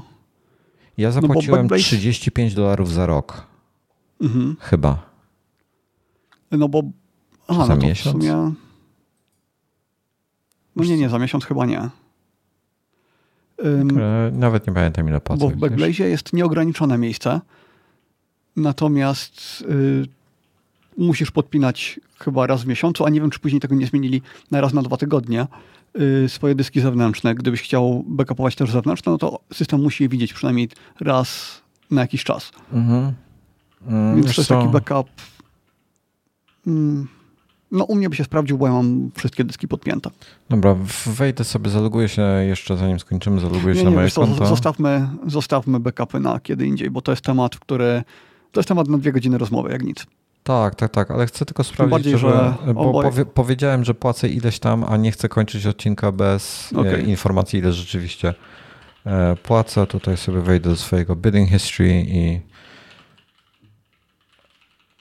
bardzo polecam Ci aplikację Bobby z taką wiewiórką, e, aplikację na iPhone'a. Co to jest? Z taką wiewiórką w ikonie. Dodajesz sobie tam wszystkie subskrypcje, jakie masz mhm. w dowolnych walutach on te waluty przelicza na przykład na złotówki i wyświetla ci podsumowania, wyświetla ci kiedy coś się kończy, y, że zbliża się jakaś płatność. Y, rewelacyjna aplikacja, takie no takie Dobra. coś tutaj wyświetlam na już, już mówię, ile zapłaciłem. Zapłaciłem 36 dolarów za roczną subskrypcję, y, która zawiera 2 terabajty przestrzeni i mam mój backup zajmuje trochę ponad 3 terabajty i z tego tytułu płacę 6 dolarów ekstra w miejscu. Natomiast mam, backupuję rzeczy, muszę to sobie przejrzeć, backupuję rzeczy, które są mi de facto niepotrzebne. E, jakieś takie, wiesz, śmieciowe e, pliki, jakieś backupy, na przykład backupuje jak debil y, instalatory macOSa stare, starszych wersji, wszystkich tam sięgając do, do 10.5 y, chyba. Nie potrzebuję tych rzeczy backupować, to są kolejne gigabajty. Czemu ty się zdecydowałeś na y, aplikację do backupu, w której nie masz nieograniczonego miejsca? E, z jednego prostego powodu. Znaczy Arc, Arc to jest aplikacja, która backupuje ci do czego chcesz. Czyli możesz sobie wykupić nieograniczone miejsce w Backblaze i możesz mhm. Arkiem do Backblaze'a. Arc no tak, ale jest... to wtedy nie ma sensu, bo Backblaze sam ma świetną aplikację. E, a Backblaze ma do dupy aplikację. Bo Co ona, ty mówisz? Ona jest napisana w jakiejś Javie albo innym elektronie. E, a Arc to jest firma, która się składa z byłych inżynierów Apple'a, e, którzy napisali tę aplikację i założyli ten biznes. I z tego, okay. powodu, y- z tego powodu ona jest świetna. Ona nie zużywa dużo y, y, tych resources, nie, nie obciąża procesora, systemu i tak dalej, więc możesz sobie normalnie pracować, ona sobie leci w tle. Masz tam ograniczenia, możesz nawet dodatkowo wprowadzać. Jest znakomita aplikacja przede wszystkim. I oni w tym roku uruchomili swój, swój własny storage, który jest chyba najtańszy ze wszystkich. E, a Backblaze chyba jest 50 dolarów rocznie? 60? Y, tak, tak, więcej. Y, właśnie tutaj chciałem dodać, że jest tak, 60 dolarów y, rocznie, a gdyby się chciało mieć wersjonowanie plików nie przez miesiąc, tylko mhm. przez rok, to wtedy dodatkowe 2 dolary miesięcznie. Czy jakoś tak. No i jest jeszcze jedna rzecz fajna w Arku. Um, przed chwilą. Więc na przykład. No. Mhm. Nie, bo to ty możesz myśleć, ale ja chciałem Aha, dodać, że u mnie Backblaze... Wiem co. E, Backblaze robi taki patent, że jeżeli podłączysz sobie dysk na USB i zrobisz jego backup od razu w ramach swojej subskrypcji i go odepniesz i on nie będzie podpięty przez jakiś czas z powrotem do komputera, tak, tak. to, to jest, jest usuwany. do miesiąca, o którym tu, mówiłem. Tutaj to wszystko działa. Możesz nawet sobie jakiegoś NASA czy jakieś inne rzeczy backupować do tego ARC przez to, ARC Premium. E, w ogóle ARC jest o tyle fajny, że nie musisz, możesz sobie, mówię, ręcznie wykupić e, jakiś storage gdziekolwiek, możesz sobie wykupić własny serwer w internecie. Czyli na Amazonie możesz na, możesz na Amazonie, sobie. możesz sobie wykupić własny serwer gdziekolwiek chcesz na świecie i sobie tam wrzucać swoje backupy. Możesz sobie postawić NASA u rodziców i sobie robić backup na tego NASA. To pomyśl o tym, na przykład właśnie w Amazonie, czy gdzieś wykupić sobie miejsce. Hmm. Ale ja jeszcze chciałem dodać, że e, ja z aplikacji Backblaze jestem bardzo zadowolony. Nigdy mi nie obciążała komputera, e, no to zawsze działało bardzo najta- sprawnie. Najtańszym połączeniem w tej chwili jest Arc Premium, czyli ich subskrypcja gdzie płacisz, masz te dwa tera, te rocznie płacisz i masz 2, 2 terabajty. Drugą najlepszą opcją bez subskrypcji to jest e, płacisz jednorazowo za aplikację. On to jest po prostu software. 50 dolarów chyba kosztuje normalnie. E, płacisz za Arka i masz licencję po prostu i, i nic cię więcej nie interesuje. I najtańszy storage jest Backblaze. I kupujesz mhm. tylko u Backblaze, wykupujesz tylko miejsce, nic więcej no tak, będę rezygnował z NASA na backupy i będę chciał mieć drugi backup w chmurze, to będę o tym mocno myślał. No oni mają przede wszystkim świetny software, a poza tym w ogóle Arkiem możesz sobie robić e, backup, możesz mieć Arka, który ci robi backup do kilku miejsc. Możesz robić, że ci na przykład w poniedziałki będzie robił do AWS-a, e, w, we wtorki do Backblaze'a, a w mhm. czwartki na ich e, serwer, albo a w weekend na NASA twojego, tak? W tej chwili mam tak, że działa mi to na żywo, czyli jeśli jakiś plik zaktualizuje, to on go natychmiast wysyła. A, to tu tak można, to tu tak można mhm. ustawić. Ja mam ustawiony, to jest mój taki backup, backupu, backupu. Ja muszę, mówię, muszę go trochę przyciąć, bo on jest za duży, niepotrzebnie tyle rzeczy tam mam, e, bo jakieś tam śmieci, które mogę stracić są również. Ja, co ja mówiłem? Aha, ja mam ustawiony raz na dwa dni robimy backup. Mhm. Co mi powinno wystarczyć? W nocy, w nocy się uruchamia. No, mnie właśnie dobija mnie to, że na nasie, jak ci się skończy miejsce, mhm. no to w zasadzie trzeba wymienić wszystkie dyski twarde, bo... A, a chyba, że masz Synology i korzystasz z tego Tak, ich... nie mam niestety, mam Kunapa. Synology ma świetnie rozwiązany RAID, tam można mieszać różne pojemności i ma to sens, zyskuje się wtedy dużo miejsca. Mhm. Ja tak nie mogę robić na Kunapie.